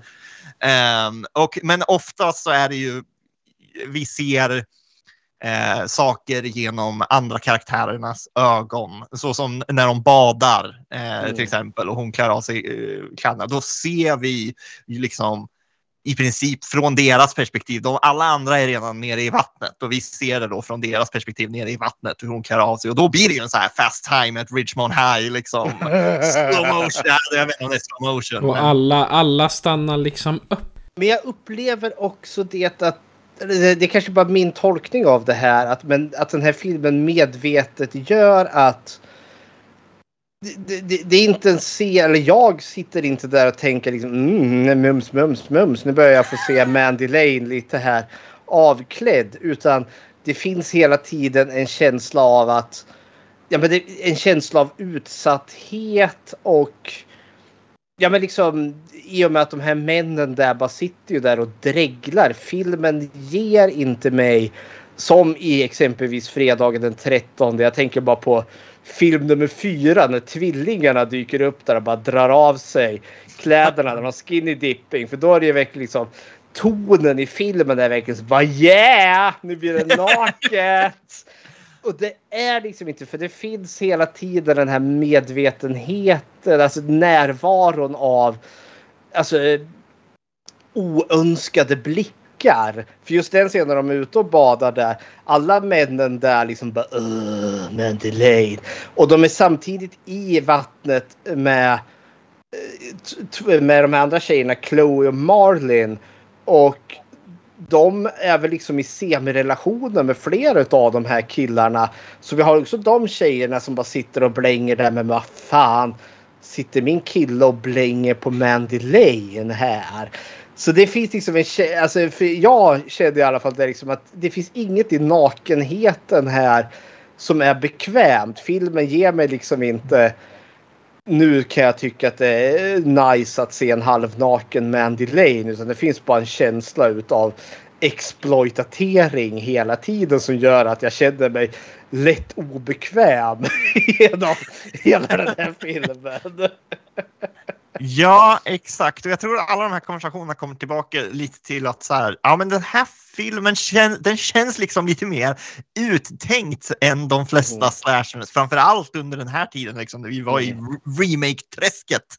Gud ja. Ja men det, och eh, ja, det är lite eh, intressant det här att det liksom inte gick så bra med den för test Mm. audiences. Så det är så här, det är ju exakt samma sak som händer nu med alla de här filmerna som nu, nu kallas för elevated horror. ja. Eh, Jag, eh, jag, jag ja. satt faktiskt och tänkte lite på det här. Men det här är lite elevated horror före elevated horror. jo, men exakt. Eh, sen andra jag tänkte vi kanske kan hoppa vidare till andra karaktärer. Och jag har ett förslag här just för jag upplever att av alla de här karaktärerna vi har så är det de kvinnliga karaktärerna som jag har mest att säga om. Medan de manliga karaktärerna med undantag för Emmet som våran mördare här har jag inte så mycket att säga om. Alltså, de är inte riktigt lika utfläschade kanske medvetet. För de, det går väldigt... Kanonmat kallas det. Kanonmat. Ja, de är kanonmat. Ja, men eh, lite nyanser. Men eh, jag vill ta upp Chloe och Marlin. Våra andra två kvinnliga karaktärer här som hamnar på ranchen. Eh, vad, vi kan väl börja med Chloe. Eh, den, eh, den smalare, den som jag upplevde skulle vara den klassiska. Det är hon som är den populära mean girl här. Mm. vad, vad, tyckte ni om Chloe? Så det är ju väldigt lätt att ogilla alla eh, karaktärer i den här mm. filmen som inte är då Garth eller Bandy Lane. Mm. Eh, och eh, det är medvetet och jag tycker de, de karaktärerna som liksom överlever längst, det är de man får lite mer av en bild av att så här, okay, men det här kompisgänget, de är så här för att de är alla väldigt, väldigt osäkra. Mm -hmm. och, alltså de är ju tonåringar, det är ju såklart. Gud, ja. Men, och och um, Chloe är väl framför allt den som, som låter det uh, liksom komma fram mest. Eh, och är villig att vara lite mer eh, sårbar. Så att i början av filmen så tänker man, ja men Chloe hon verkar lite elak och sådär. Men sen liksom i, i slutet så är det så här, ja men man har, man har sympati för henne ändå. Mm. Eh, men, samma här, jag, jag gjorde nog samma resa där. För Chloe var också sådär, oh, här är våran fredag den 13 bitch. Bara vänta att Jason ska dyka upp här och yxan i pannan. Men jag ser samma här, liksom just att hon hennes osäkerhet blir så jäkla påtaglig. Eh, och hon är den som jag upplever också den som krökar i sig mest. Hon är den som är på Marlin, hennes bästa vän. Liksom att oh, du är så tjock. Eh, och liksom allt det där. Allt när det kommer liksom till Marlin verkar inte bry sig säkert mycket. Men Chloe verkar vara helt jävla fixerad vid det. Eh, och eh, det är hon som har kropps problem. Vi inser ju sen, hon har ju till och med lösbröst som hon tar av sig vid ett tillfälle där. Eh, och eh, vad heter det liksom hon. Eh, alltså det. Jag får sympati med henne. Hon blir mer ett, eh, liksom en hel karaktär eh, än, än den här ytliga bitchen. Eh, jag har inte mycket mer att säga om henne. Nej, men eh, som sagt, liksom, Mandy Lane är den stora karaktären och, och resten av karaktärerna, liksom, det går lite hand i hand att alla har en fascination med henne. Så jag vet inte, vi, vi kanske ska hoppa vidare till eh, jag, jag, vill, nej, jag, vill köra, jag vill köra Marlin en liten kortis. Okay, okay. För ja. hon eh, Eh, för jag tänkte just om den, den sex som ändå så finns i den här filmen. För Marlin hon har ihop det med karaktären som heter Jake. Men har hon verkligen det eller är hon bara att hon klänger sig fast vid ja, men om, jag förstod, om jag förstod det rätt. Jake är Chloes före detta. Alltså Chloe och Jake har varit ihop men nu är de separerade. Och Chloe har väl lite eh, förhoppningar om att hon ska kunna snärja Jake igen. Eh, men Marlin är ju den som snärjer honom. Det så får vi här liksom runkar ju av honom i bilen där, vilket också var sån där. Oh, nej. Under en karta. Så ingen, ingen, ingen märker det, absolut inte. Nej, men det, jag bara satt och kände, fy fan vad awkward. oh. Sen har vi det där. Mm, han, eh, de kör ju så här sanning eller konka eller mm, något dryckesspel där det kommer fram till vem är det som har minst eh, snopp. Och alla pekar. Det är Jake har minst snopp. Och då blir han jättetjurig. Nej! Och bara eh, fjantar iväg. Ja men hur har han koll på det? Har de jag, jag, stått om ett tidigare eller? Nej, om jag tolkar det så så tror jag liksom att Chloe och Marlin har väl haft kanske sex med dem allihopa där. Uh, vad vet jag. Ja, men jag kanske kan hjälpa dig. Ja, men det är just därför hon springer efter honom för han tjurar iväg ut i mörkret där. Och möter upp honom i ladugården. Där hon då ger honom oralsex. Eh, och som han då tacksamt tar emot. Och när han, eh, när han är klar. Då blir jag, nu är det min tur och så börjar hon liksom klä av sig. Men nej, det har inte han någon jävla tid med. Han har ju kommit så nu skiter han i henne. Och så dumpar han ju henne där. Eh, där kände jag också, det är återigen det liksom sexet som finns eh, är alltid liksom kodat som jag upplever det. Liksom, det, männen tar för sig och det är ganska ovälkommen sex egentligen. Kvinnorna, Mar Marlin känns som att hon eh, är den som hon ger den här Jake sex för att hon vill ha hans uppmärksamhet. Eh, och hans liksom, eh, vad heter det, godkännande liksom. Ha, hans affection, vad heter det? Ja men. Eh, hans känslor. Men han. Alltså han. Det, det hon vill ha uppmärksamhet ifrån ja, honom. Men hon, hon, vill väl ha hans kärlek. Men alltså han. Det kommer låta grovt men han använder ju bara henne liksom för att få komma till. Det, det liksom, mer än så är inte hon Eh, för honom. Han, han, vill stoppa, eh, framförallt vill han ju stoppa kuken i Mandy Lane men det hindrar inte honom från att låta alltså, vilken kvinna som helst att göra det. Eh, för det jag också ville komma till, för hon blir ju den första att falla offret för våran mördare här.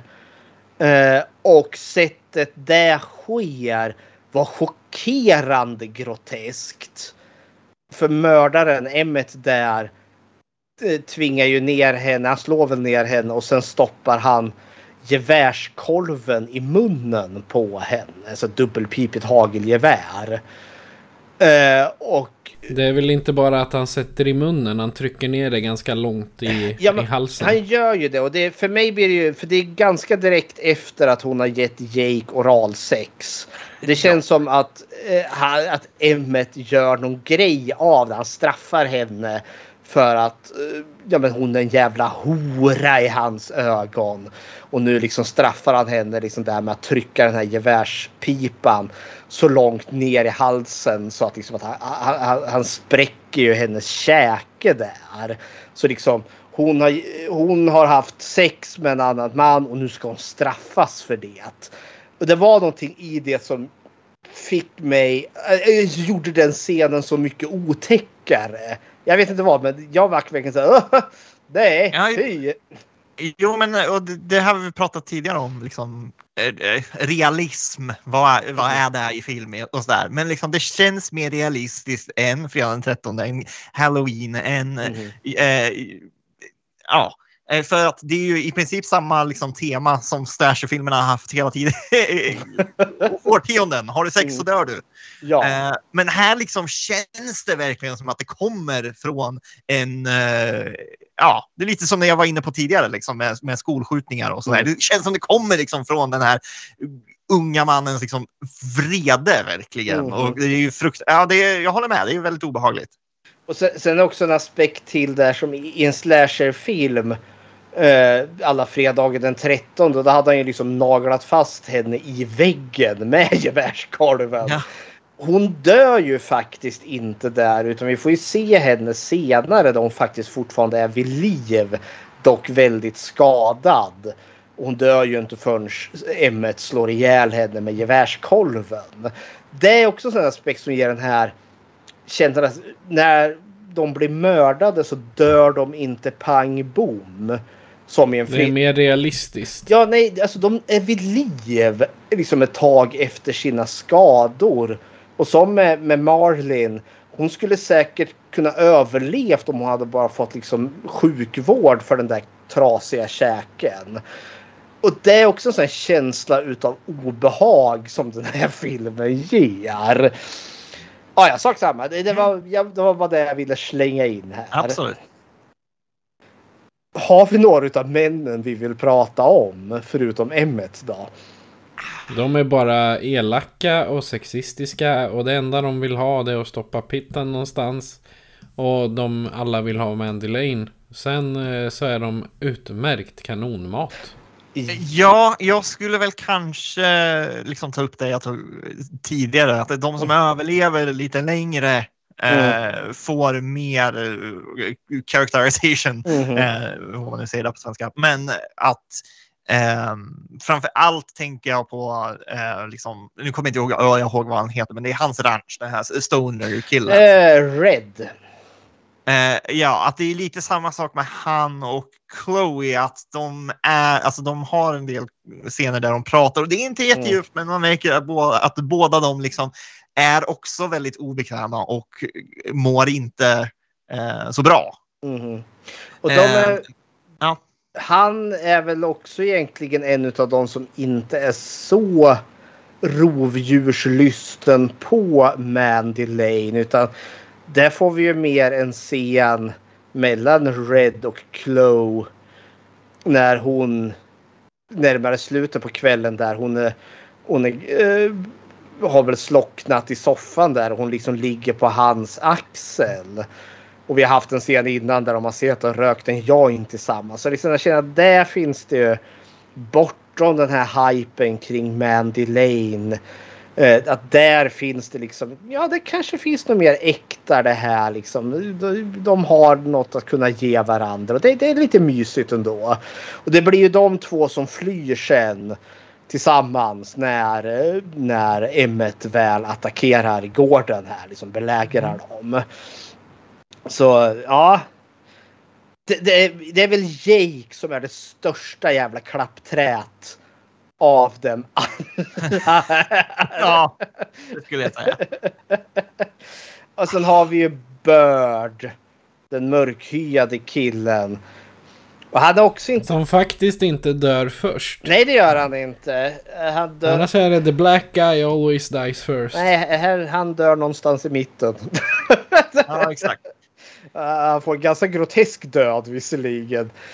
Där mördaren var det, skär av han, eller skär ut, eller han bara sveper med kniven och den träffar båda ögonen. Blä! Ja, Och sen- exakt. Och sen knivar han ihjäl honom. Ja. Eh, han var väl också inte så här hiskligt rovdjurslysten men de spelar ju. Han får ju en liten scen där tillsammans med Mandy Lane. När de kommer till ranchen och de ska gå upp tillsammans och han liksom.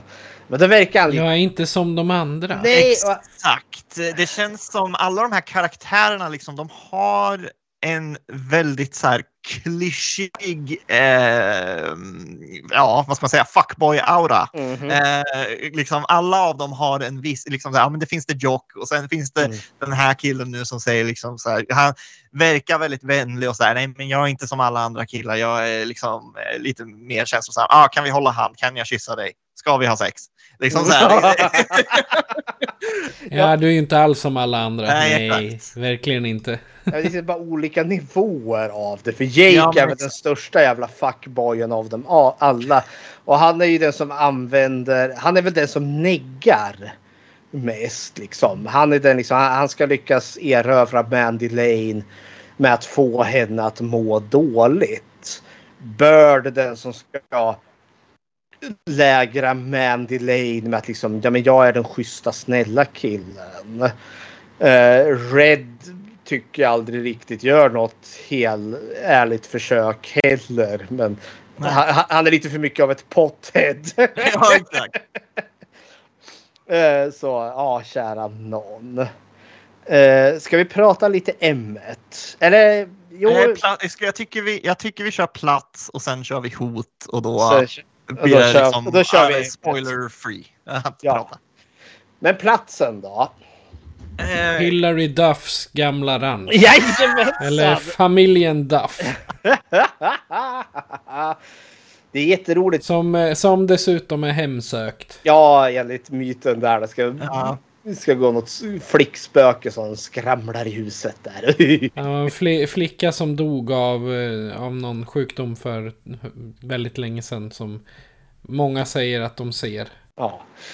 Jag tycker den här platsen, den här ranchen. Alltså det, det här, jag, jag tycker det här är underbar plats de är på.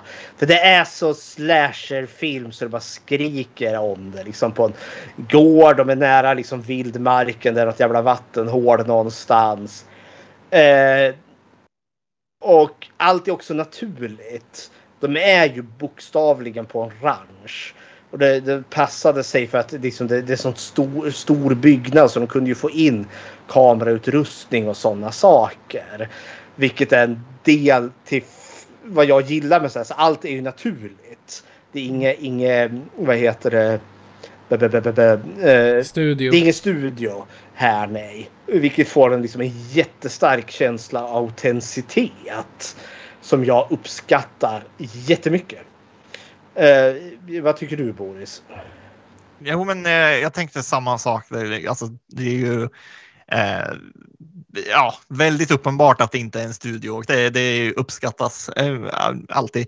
Eh, sen är det också, jag tycker väldigt mycket om eh, skräckfilmer som liksom använder verkligen så här värmen som eh, eh eller ja, klimatet. Och då tänker jag framför allt på så här värme. Kanske det är för att vi är i Sverige och vi inte får så mycket utav det, utan liksom det är mest vi, vi uh, struggle with uh, liksom kyla oftast.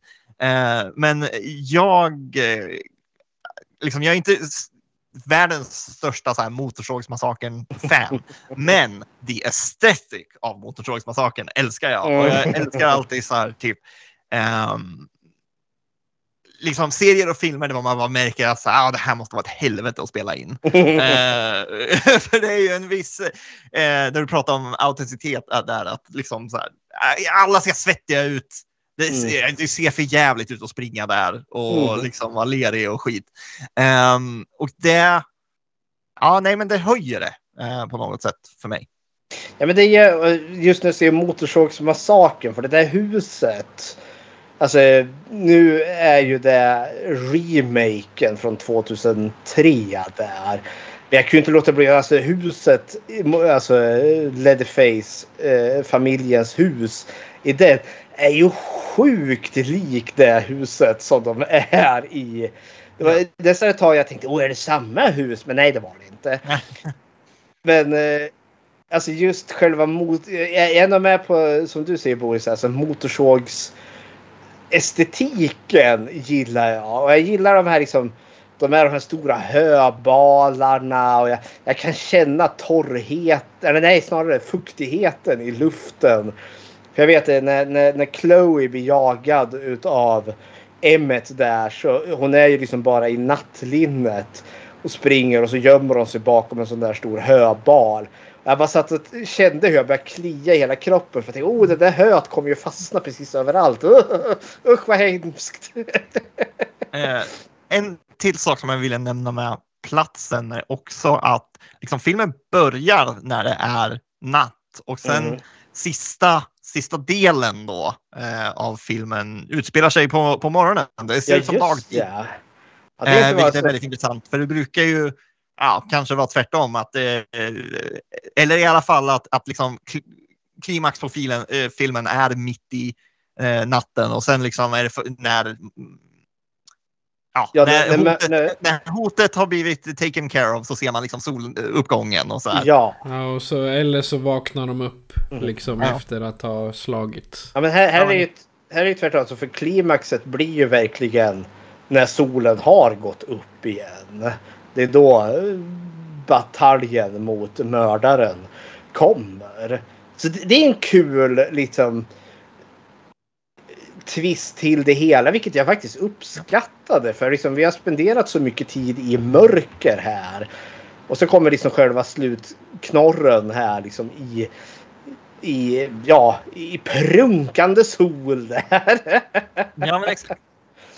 Men sen, jag gillar också, för det är vi också, vi är ju verkligen i ingenmansland. Det känns som att vi är tre evigheter ifrån civilisation. Uh, och det, det, är alltid nice i, i skräckfilm. Men samtidigt känns det som att Alltså, är vi nära skog eller är vi bara nära åkermark? Överallt. Och det är ju en ranch och de har eh, kreatur. Så Ja, att, eh, de har ganska stora hagar. Eller ja, kreatur, det de har ingen kreatur för den är ju sjuk så han har skjutit ihjäl alla. Ja! Men eh, ändå. där fick jag. För vi har ju... Vårt stora klimax eh, händer ju i en grop. En lerig grop full med döda tjurar eller kossor i. Och jag satt och tänkte med så liten budget den här filmen hade. Är det där liksom proppkossor? Eller är det riktiga kossor som ligger där och är ruttna? Ja, jag har Nej, faktiskt ingen aning. ru- ruttna kossor är nog inte så nyttiga för hälsan. Nej, jag, satt och tänkte det också. Det kan väl inte vara riktigt liksom. Någon har slängt ner Amber Heard i en, i en grop full med, med ruttnande kor. Det är liksom, nej, det kan man inte göra. Jag har en känsla av att det var där Johnny Depp ville göra ett tag. Eh, jag vet ju att eh, vad fan, de, de kunde ju slänga ner skådespelare med riktiga skelett i Poltergeist där. Men det var väl liksom prop. Men det är skelett. Ja, det, men vad fan det är förfärligt i alla fall. Men vad fan, det, det, var väl att proppkillen där hittade ett sätt att spara lite pengar. Så det var väl inte var så jävla medvetet från Spielberg eller Toby Hoopers sida. Men ja, ändå. Han tog farmor, farmors skelett, gick och grävde upp det. Som bara haha kom farmor, du ska få med, vara med på film. Men det, det som också mig, för det har jag inte lyckats hitta någon sån bakgrundsinformation. För jag har verkligen satt och funderat över de där döda kossorna i, i All Boys Love Mandy Lane. Där de hade så liten budget gick det åt liksom att göra eh, vi, vi behöver fem döda kor i, naturlig storlek. Ja. Det är en bra Vem- fråga. De spenderar ju, liksom, majoriteten av budgeten gick väl på film. Alltså, Ja. De spelar ju in den på film och inte digitalt. Så att, Nej. väldigt. Jag, jag, jag chansar på att någon kände någon och de fick låna lite propp där. Då. Jag tror det. Ja, kära värld. Nej men jag, jag gillar settingen och sen vill jag lägga in här då för vi har mycket så här vid, vidsvinklar. Mycket widescreen här. Eh, och det här filtret som ligger över skärmen som ger det liksom någon form av... Det känns ungefär som att jag ser allting genom någon liten lätt smutsig glasskiva ungefär. Och det är väl en del i vad som ger den här filmen en distinktiv look. Du glömde att putsa iPaden. Säg som det är. Ja men... Eh, Ja, jag, jag tänkte på det. Det här är nog första gången jag ser den på Blu-ray och jag tänkte på det att eh, det, det var nästan som att det, det, Blu-rayen gjorde det lite för fint. Så här, Ja, jag skulle okej. vilja att den var lite skitigare. ja. Ja, kära värld. Nej, är det dags för Jag tror det och jag vill säga att ehm, du, märk, eh, du nämnde det där med wide shots och, Mhm. och så. Alltså, jag eh, tycker liksom den bästa scenen i den här filmen är när um, Mandy Lane har, eh, hon har fått ett piller av Chloe eh, för att hon ska sova. Det går inte så Mm. bra. Hon sätter sig eh, vid ett bord, eh, somnar, vaknar, det är morgon eh, och hon går, ja, li- lite saker händer. Hon går ut eh, och ehm, har en kniv i handen och då samtidigt så blir, ehm, nu är vi i full spoil- spoiler mode här bara så alla vet. Ehm, samtidigt så blir Chloe jagad av Emmet i en bil. Mhm. Eh, och det börjar lite så här typ, ja men det här standard, så, ja men gud kan hon inte bara springa åt sidan? Eh, och så här. Men sen ser vi det här från Mandys perspektiv att hon går ut, har en kniv i handen, för nu tänker hon nu jävlar ska jag försvara mig själv, eh, är det man tror att hon tänker. Eh, och sen då liksom går kameran upp över hennes axel och sen zoomar den in liksom långt borta eh, på en jävla äng springer Chloe och blir jagad av den här bilen. Eh, och det är en lång, lång tagning, lång zoom och eh, jag var så här, fan vad snyggt. eh, liksom, det här är så här, eh, man kan ju väldigt enkelt bara slänga på ett filter på en film och bara, ah, men okej, nu har vi gjort det här i 70-tals-aura. Men Mm. det här verkligen kändes som liksom, ja, men något man hade sett i The Last House on the Left eller någonting eh, sånt. Liksom sådana tekniker. Lite som när hon springer från Leatherface. Ja, men exakt. Mhm. Ja men det, det är också en jäkla snygg scen. Eh, den sticker ut i den här filmen. Liksom när vi har början på slutkonfrontationen här. Men vi kör mördaren här då. M1. Eh, jag har lite åsikter om honom för det är så här, Det avslöjas relativt tidigt in att det är han som är mördaren. Och det är så uppenbart genom när man kollar bak. Ja okej, det, det borde ju ha varit han hela tiden. Men jag, jag kommer, när jag såg om den här nu inför podden. Den här poolfesten de är på. Han är ju det här hangaroundet till Mandy Lane. Eh, och det, vi har ju en scen där, för de har ju inga badkläder. Och han står inne i eh, på badrummet. Och har liksom klätt av sig. Allt han har på sig liksom är ett par vita Y-front kalsonger. Och han ser, han ser så tanig och eländig ut där då. Och där kände jag liksom väldigt med liksom hans oh, tuntiga killen där då. Och jag bara satt och kände hela, alltså gode gud. Gå in, hoppa inte i vattnet med de här vita kalsongerna. Du är redan så jävla tuntig som det är. Men alltså det, det är själv tack och lov tar han på sig jeansen. Men jag satt och kände där och då liksom åh, oh, oh, sluta! Jag ömmar så för dig stackars Emmet. Men... Eh, Kan det vara där bägaren rinner över? Eller har han eh, mördat förr? nej, det, det tror jag inte. Jag tolkar filmen så här och det här var absolut ingenting jag tog första gången.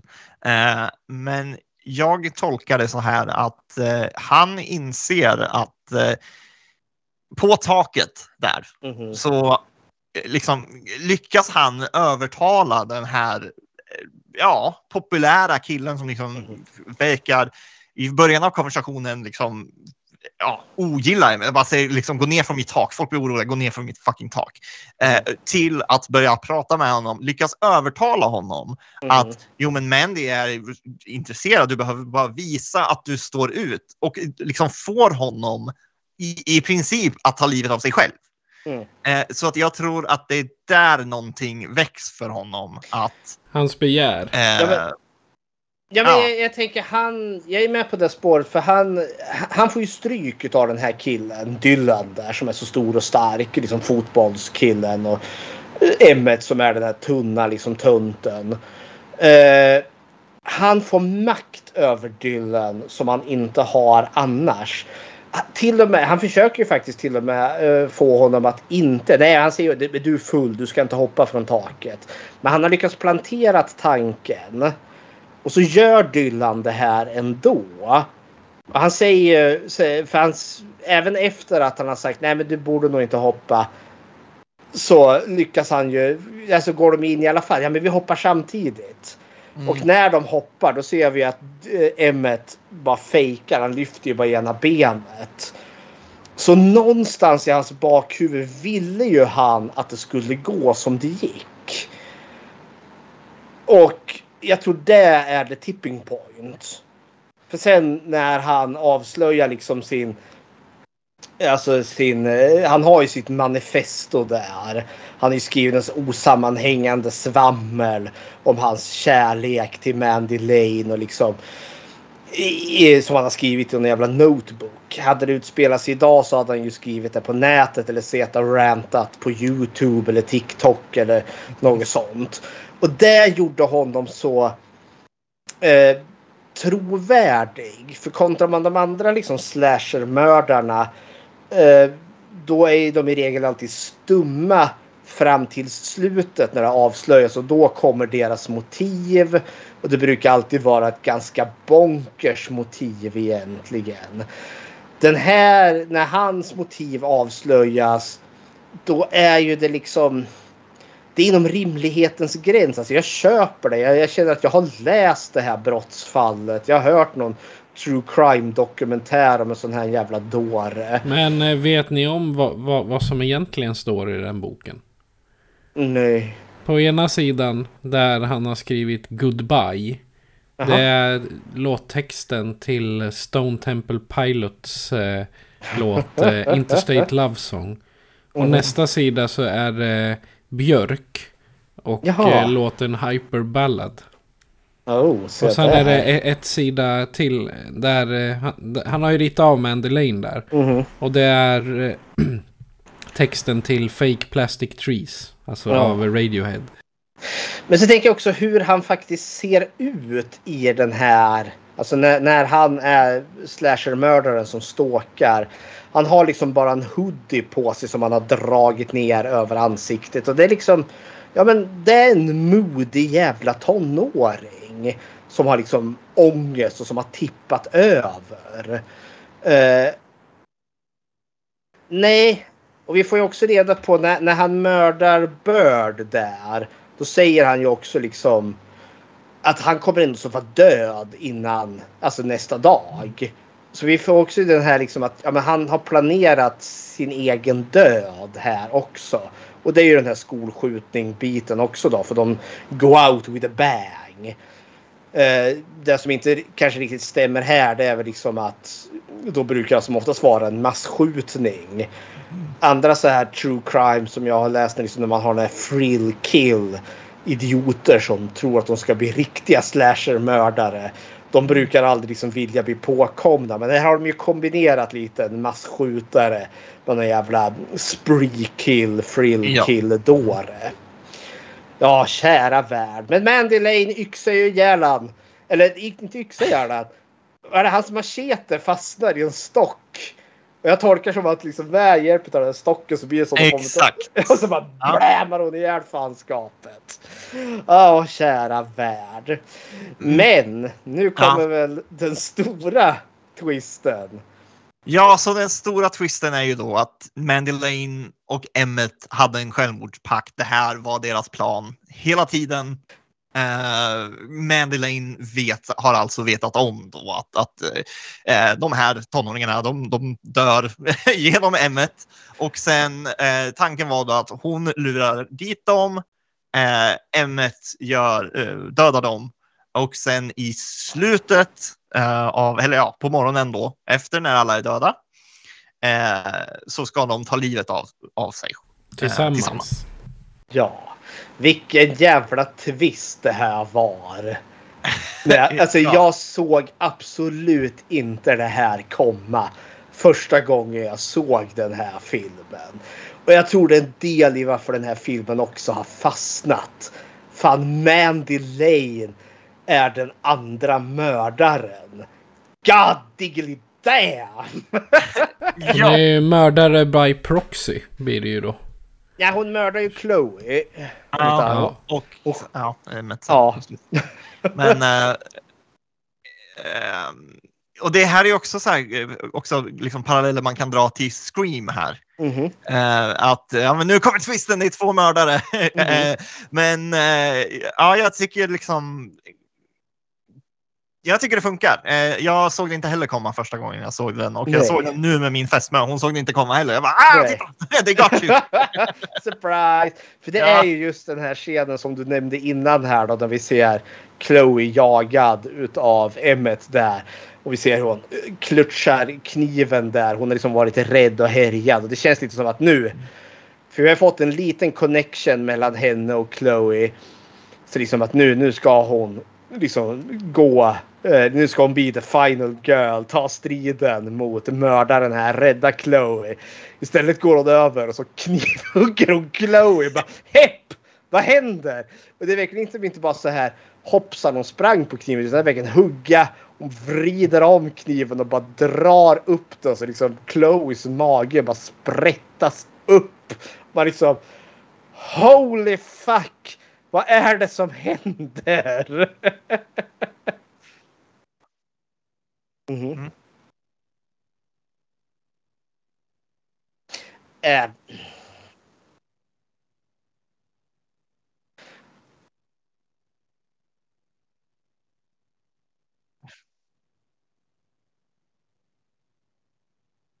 Nej, den tolkningen har inte jag gjort. Nej, inte jag heller med tanke på att eh, man får ju faktiskt se en eh, scen med hennes familj också. Mm. Eh, hennes föräldrar är döda men hon, är med sin, bor med sin moster. Ja. Ja. Vilket blir lite så här, man får ju frågetecken. Varför är de döda? Det är där Ja, man inte riktigt ja. vet. Framförallt nu när jag såg om den här, alltså gång nummer två jag sett den, när jag vet om att Mandy Lane är, är, eh, är, boven här. Det får ju mig liksom att titta på, för första gången så noterar jag inte det där alls. Men den här gången satt jag och tänkte, hej, är det någon shady i det där?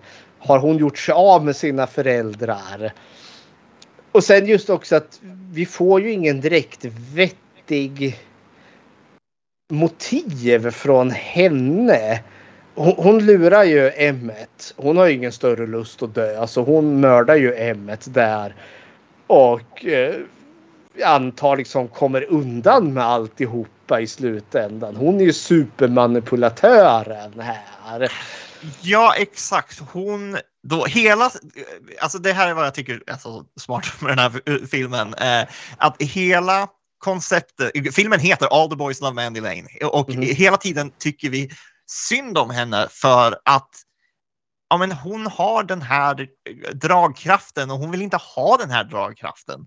Eh, Mhm. men alla är efter henne och ehm, hon, det vi får reda på i slutet är att ja, men okej, hon har ju använt det här då Mm. hela tiden för sin egen, ja, vad ska man säga, gynning då, men ja, Mhm. Vad hon nu gynnas av att mörda alla. Men, För eh, sitt eget nöjes skull. Ja, men exakt. Och eh, det är väldigt intressant att liksom nu får ju den konversationen vi hade om det här med fi- the final girl trope ännu Mhm. en dimension Mhm. av att ja, men, i den här filmen så är det the final girl som är mördaren. Jajamensan! Exakt. Och kommer undan med det till råga på allt. Och jag satt och tänkte här liksom verkligen. Jag försökte liksom om filmen ens liksom ger oss en liten hint om att hon är jag ja, inte har rent mjöl i påsen så att säga. Och den enda gången jag kände att det kom det är närmare slutet när, när Garf har blivit skjuten och hon bandagerar honom. Eh, då finns det en liten scen där, där han, han är medvetslös eller har svimmat av. Och hon kryper lite närmre där och börjar liksom röra lite i hans hår där. Och liksom, uh, liksom, det var enda gången jag kände nu börjar vi få se en sida här som inte är så sund hos henne. Men det är också liksom strax innan twisten kommer. För innan dess, eh, nej jag har inte fått en enda hint om att hon är komplett slut i huvudet och vill mörda dem allihopa.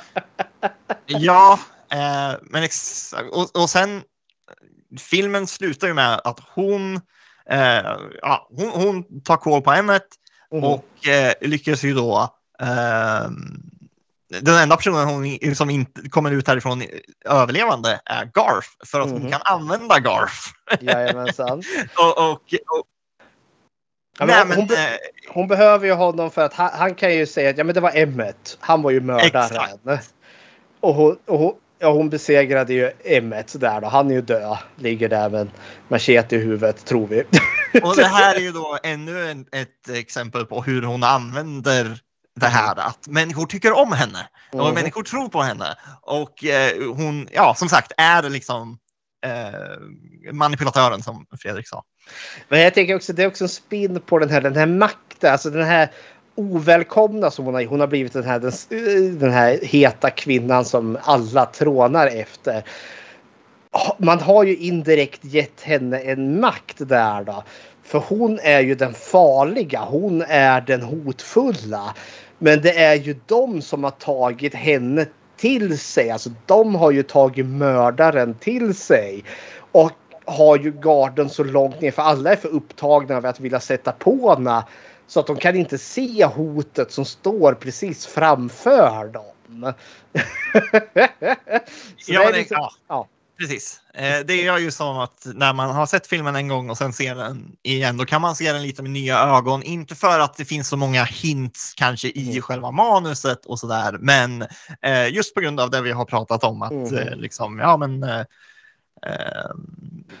ja, hur, hur fixerade alla är på henne och så vidare. Att, man, man tänker hela tiden att hon är i underläge. Eh, att, ja men gud, vad kommer de här pojkarna att göra mot henne om de är ensamma i ett rum med henne? Mhm. Och, och, Man kan väl säga att hon är lite av en svart änka. Ja, det är liksom, man inser liksom att hon... Ja, hon hade liksom mer arsenal äh, än... Alltså den här äckliga Jake är ju äcklig nog liksom som om oh, han kan utnyttja den här. Liksom, han kanske kan våldföra sig på henne. Men nej, han hade fått halsen avskuren om han hade försökt. Man inser liksom att han var den som var hotad varje gång de, de två var i samma rum med varandra. Så det som är så lustigt för de liksom som har tittat på henne med så rovlysten blick har liksom, har liksom inte insett att hon är det ännu större rovdjuret utav dem. Ett rovdjur som gör det för skojs skull, känns det som också. Nej, men jag, jag tycker det här är en fantastisk twist. Det är en av de här liksom riktiga herrejösses-twister till film som jag inte såg komma. Eh, som, ja, men det, det, är lite i samma nivå som Sjätte sinnet som också hade så här. Åh herre min ge! Vilken twist! Och det är just också det att det som har varit twisten har stått liksom. Vi har sett det hela tiden. Men filmen har också manipulerat mig att jag känner oh, den här stackars utsatta Mandy Lane. Och sen inser jag att åh herregud jag skulle nog aldrig ha tyckt synd om henne hon är livsfarlig. Åh kära värld. Eh, ja, och sen det sista jag tänkte säga, vi pratade ju om det här med the male gaze eh, Mhm. förut och då är ju också, alltså, jag tror liksom filmen använder ju de här teknikerna för att också lura oss, eh, Mm. tittarna. Eh, att, eh, ja men, alltså hon får ju alla final girl tropes Mhm. och det här, eh, både genom filmteknik och manus, att, ehm, ja, att, eh, ja, men hon kommer ju vara den som liksom tar koll på mördaren och så kommer de eh, åka ut och så är allting bra. Eh, men ja, Men icke. icke. awesome. Ja, det var väl Mandy Lane det. Ja, eh, Fredrik, har du gjort något Bechteltest på den här? Det har jag. Om kvinnlig representation i film. Och frågorna är ju tre. Eh, och det är ju finns det ett, finns det två eller fler namngivna kvinnor i den här filmen? Och det gör det ju. Vi har ju Mandy, vi har Chloe, vi har Malin. Vi har också Moster Joe. Eh, Eh, fråga nummer två. Möter de någonsin varandra? Ja, det gör de. Mandy, Chloe och Marlin träffar ju varandra. Och Mandy träffar ju också eh, Moster Joe där. Fråga nummer tre. Om de möter varandra pratar de om någonting annat än män. Och det tänker jag verkligen säga att de gör. Vi har jättemånga scener där man pratar om allt möjligt. Allt från att åka ut på den här festen eh, till att eh, Chloe neggar Malin för att hon är fet. Eh, till den här scenen då Mandy och Chloe är uppe på rummet och Chloe ger henne den här lugnande tabletten. Till när de sitter på den här vad är, toaletten och kommer fram till att Chloe har en jättebuske mellan benen som behöver ansas ja, så All Boys Love Mandy Lane klarar Bechteltestet.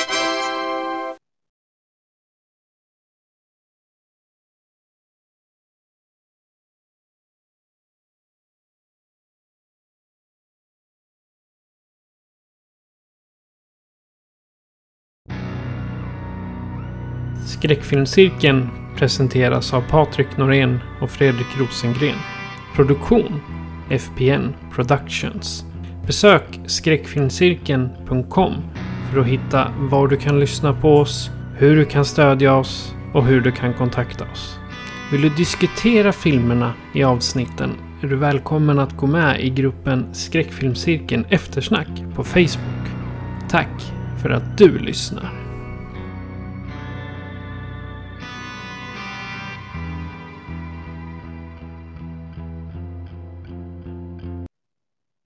Vi säger tack till Boris för eh, valet av film och för att du var med oss idag. Ja, tack herregud, för... det är bara, bara trevligt. Tack själv att jag fick komma tillbaka. Ja. Vill du plugga lite din egen podd här? Ja, alltså jag har ju jag har diverse olika eh, projekt. Jag heter eh, Guest of Horror på, ja, där poddar finns och på Youtube. Eh, podden är lite så här ja, jag måste boka in gäster. Eh, så det har varit lite, mm, ja, jag har kört liksom så här en i månaden och sen nu över sommaren har jag tagit helt paus för att jag jobbar väldigt mycket och eh, gör andra grejer. Eh, de andra grejerna är även att jag är på en Youtube-kanal som heter Outpost Unknown där vi är eh, ett gäng vänner som eh, Eh, ja, vi snackar massa skit och spelar spel i princip. Eh, tittar på väldigt dåliga filmer. Eh, det finns en, en show när vi tittar på liksom så här 15 minuter av en riktigt jävla usel film och sen pausar vi 15 minuter och diskuterar det vi precis såg. Och sen ser vi 15 minuter till och sen kommer vi tillbaka. Det är hemskt ineffektivt. ineffektivt ineffektivitet. Eh, ja, ineffektivt sätt att se film, men eh, det har varit väldigt kul. Eh, så den är Outpost Unknown. Sen finns jag på Guest of Horror på Youtube och Spotify där poddar finns. Sen gör jag även musik eh, mm. och den kan man hitta om man eh, söker på Boris Solman lite överallt, typ Spotify. Nu håller jag käften. Ja, eller så tittar man i beskrivningen till det här avsnittet så finns det länkar till allt det där. en man med många talanger med andra Oh ja. Och sen är du här också och snackar. Ja exakt, jag måste ju snacka öronen av er lite också. Jajamensan! Vilket är uppskattat. Ja. Eh, Fredrik, vad bjuds det på nästa gång? Jajamensan, vi är ju i the year of the king. Och så nu är det dags för en ny Stephen King-rulle. Så då blir det, hör och häpna, en svensk regissör här. När vi kommer se, nu ska vi se, den heter så mycket som eh, 1408. Och det hemsökta hotellrummet där. Och det är ju Mikael Hofström som har gjort den. Mm, John Strandvaskaren Fame. Jajamensan och den av de skräckfilmer han har gjort om vi ska ta 408 och Strandvaskaren så se 408 och så undviker vi Strandvaskaren för allt vad vi är värda. Bör väl också säga att han gjorde Ondskan vilket är en väldigt bra film. Jag bara tycker den... det är kul att ta upp Strandvaskaren. Han gjorde ju dem förvånansvärt nära varandra. Och det, ja, det är helt, helt absurt. Men 408, alla Stephen King. Ja, men vi har väl egentligen bara kvar att säga att eh, jag heter Patrik. Jag heter Fredrik. Ja, jag heter Boris. Du har lyssnat på Skräckfilmscirkeln. Adjö på er.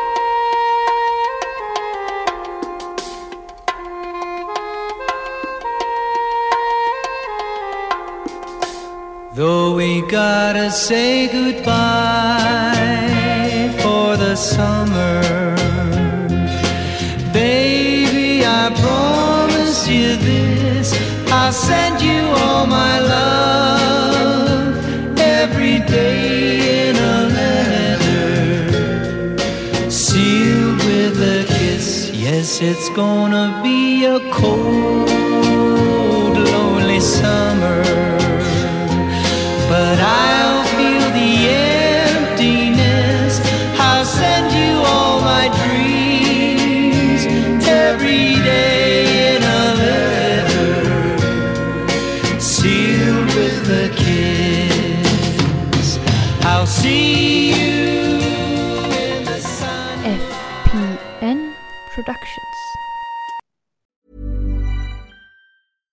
Hey, it's Paige DeSorbo from Giggly Squad. High quality fashion without the price tag. Say hello to Quince.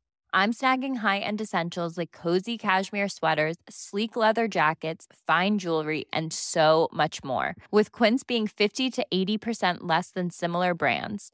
And they partner with factories that prioritize safe, ethical, and responsible manufacturing. I love that. Luxury quality within reach. Go to quince.com slash style to get free shipping and 365 day returns on your next order. Quince.com slash style.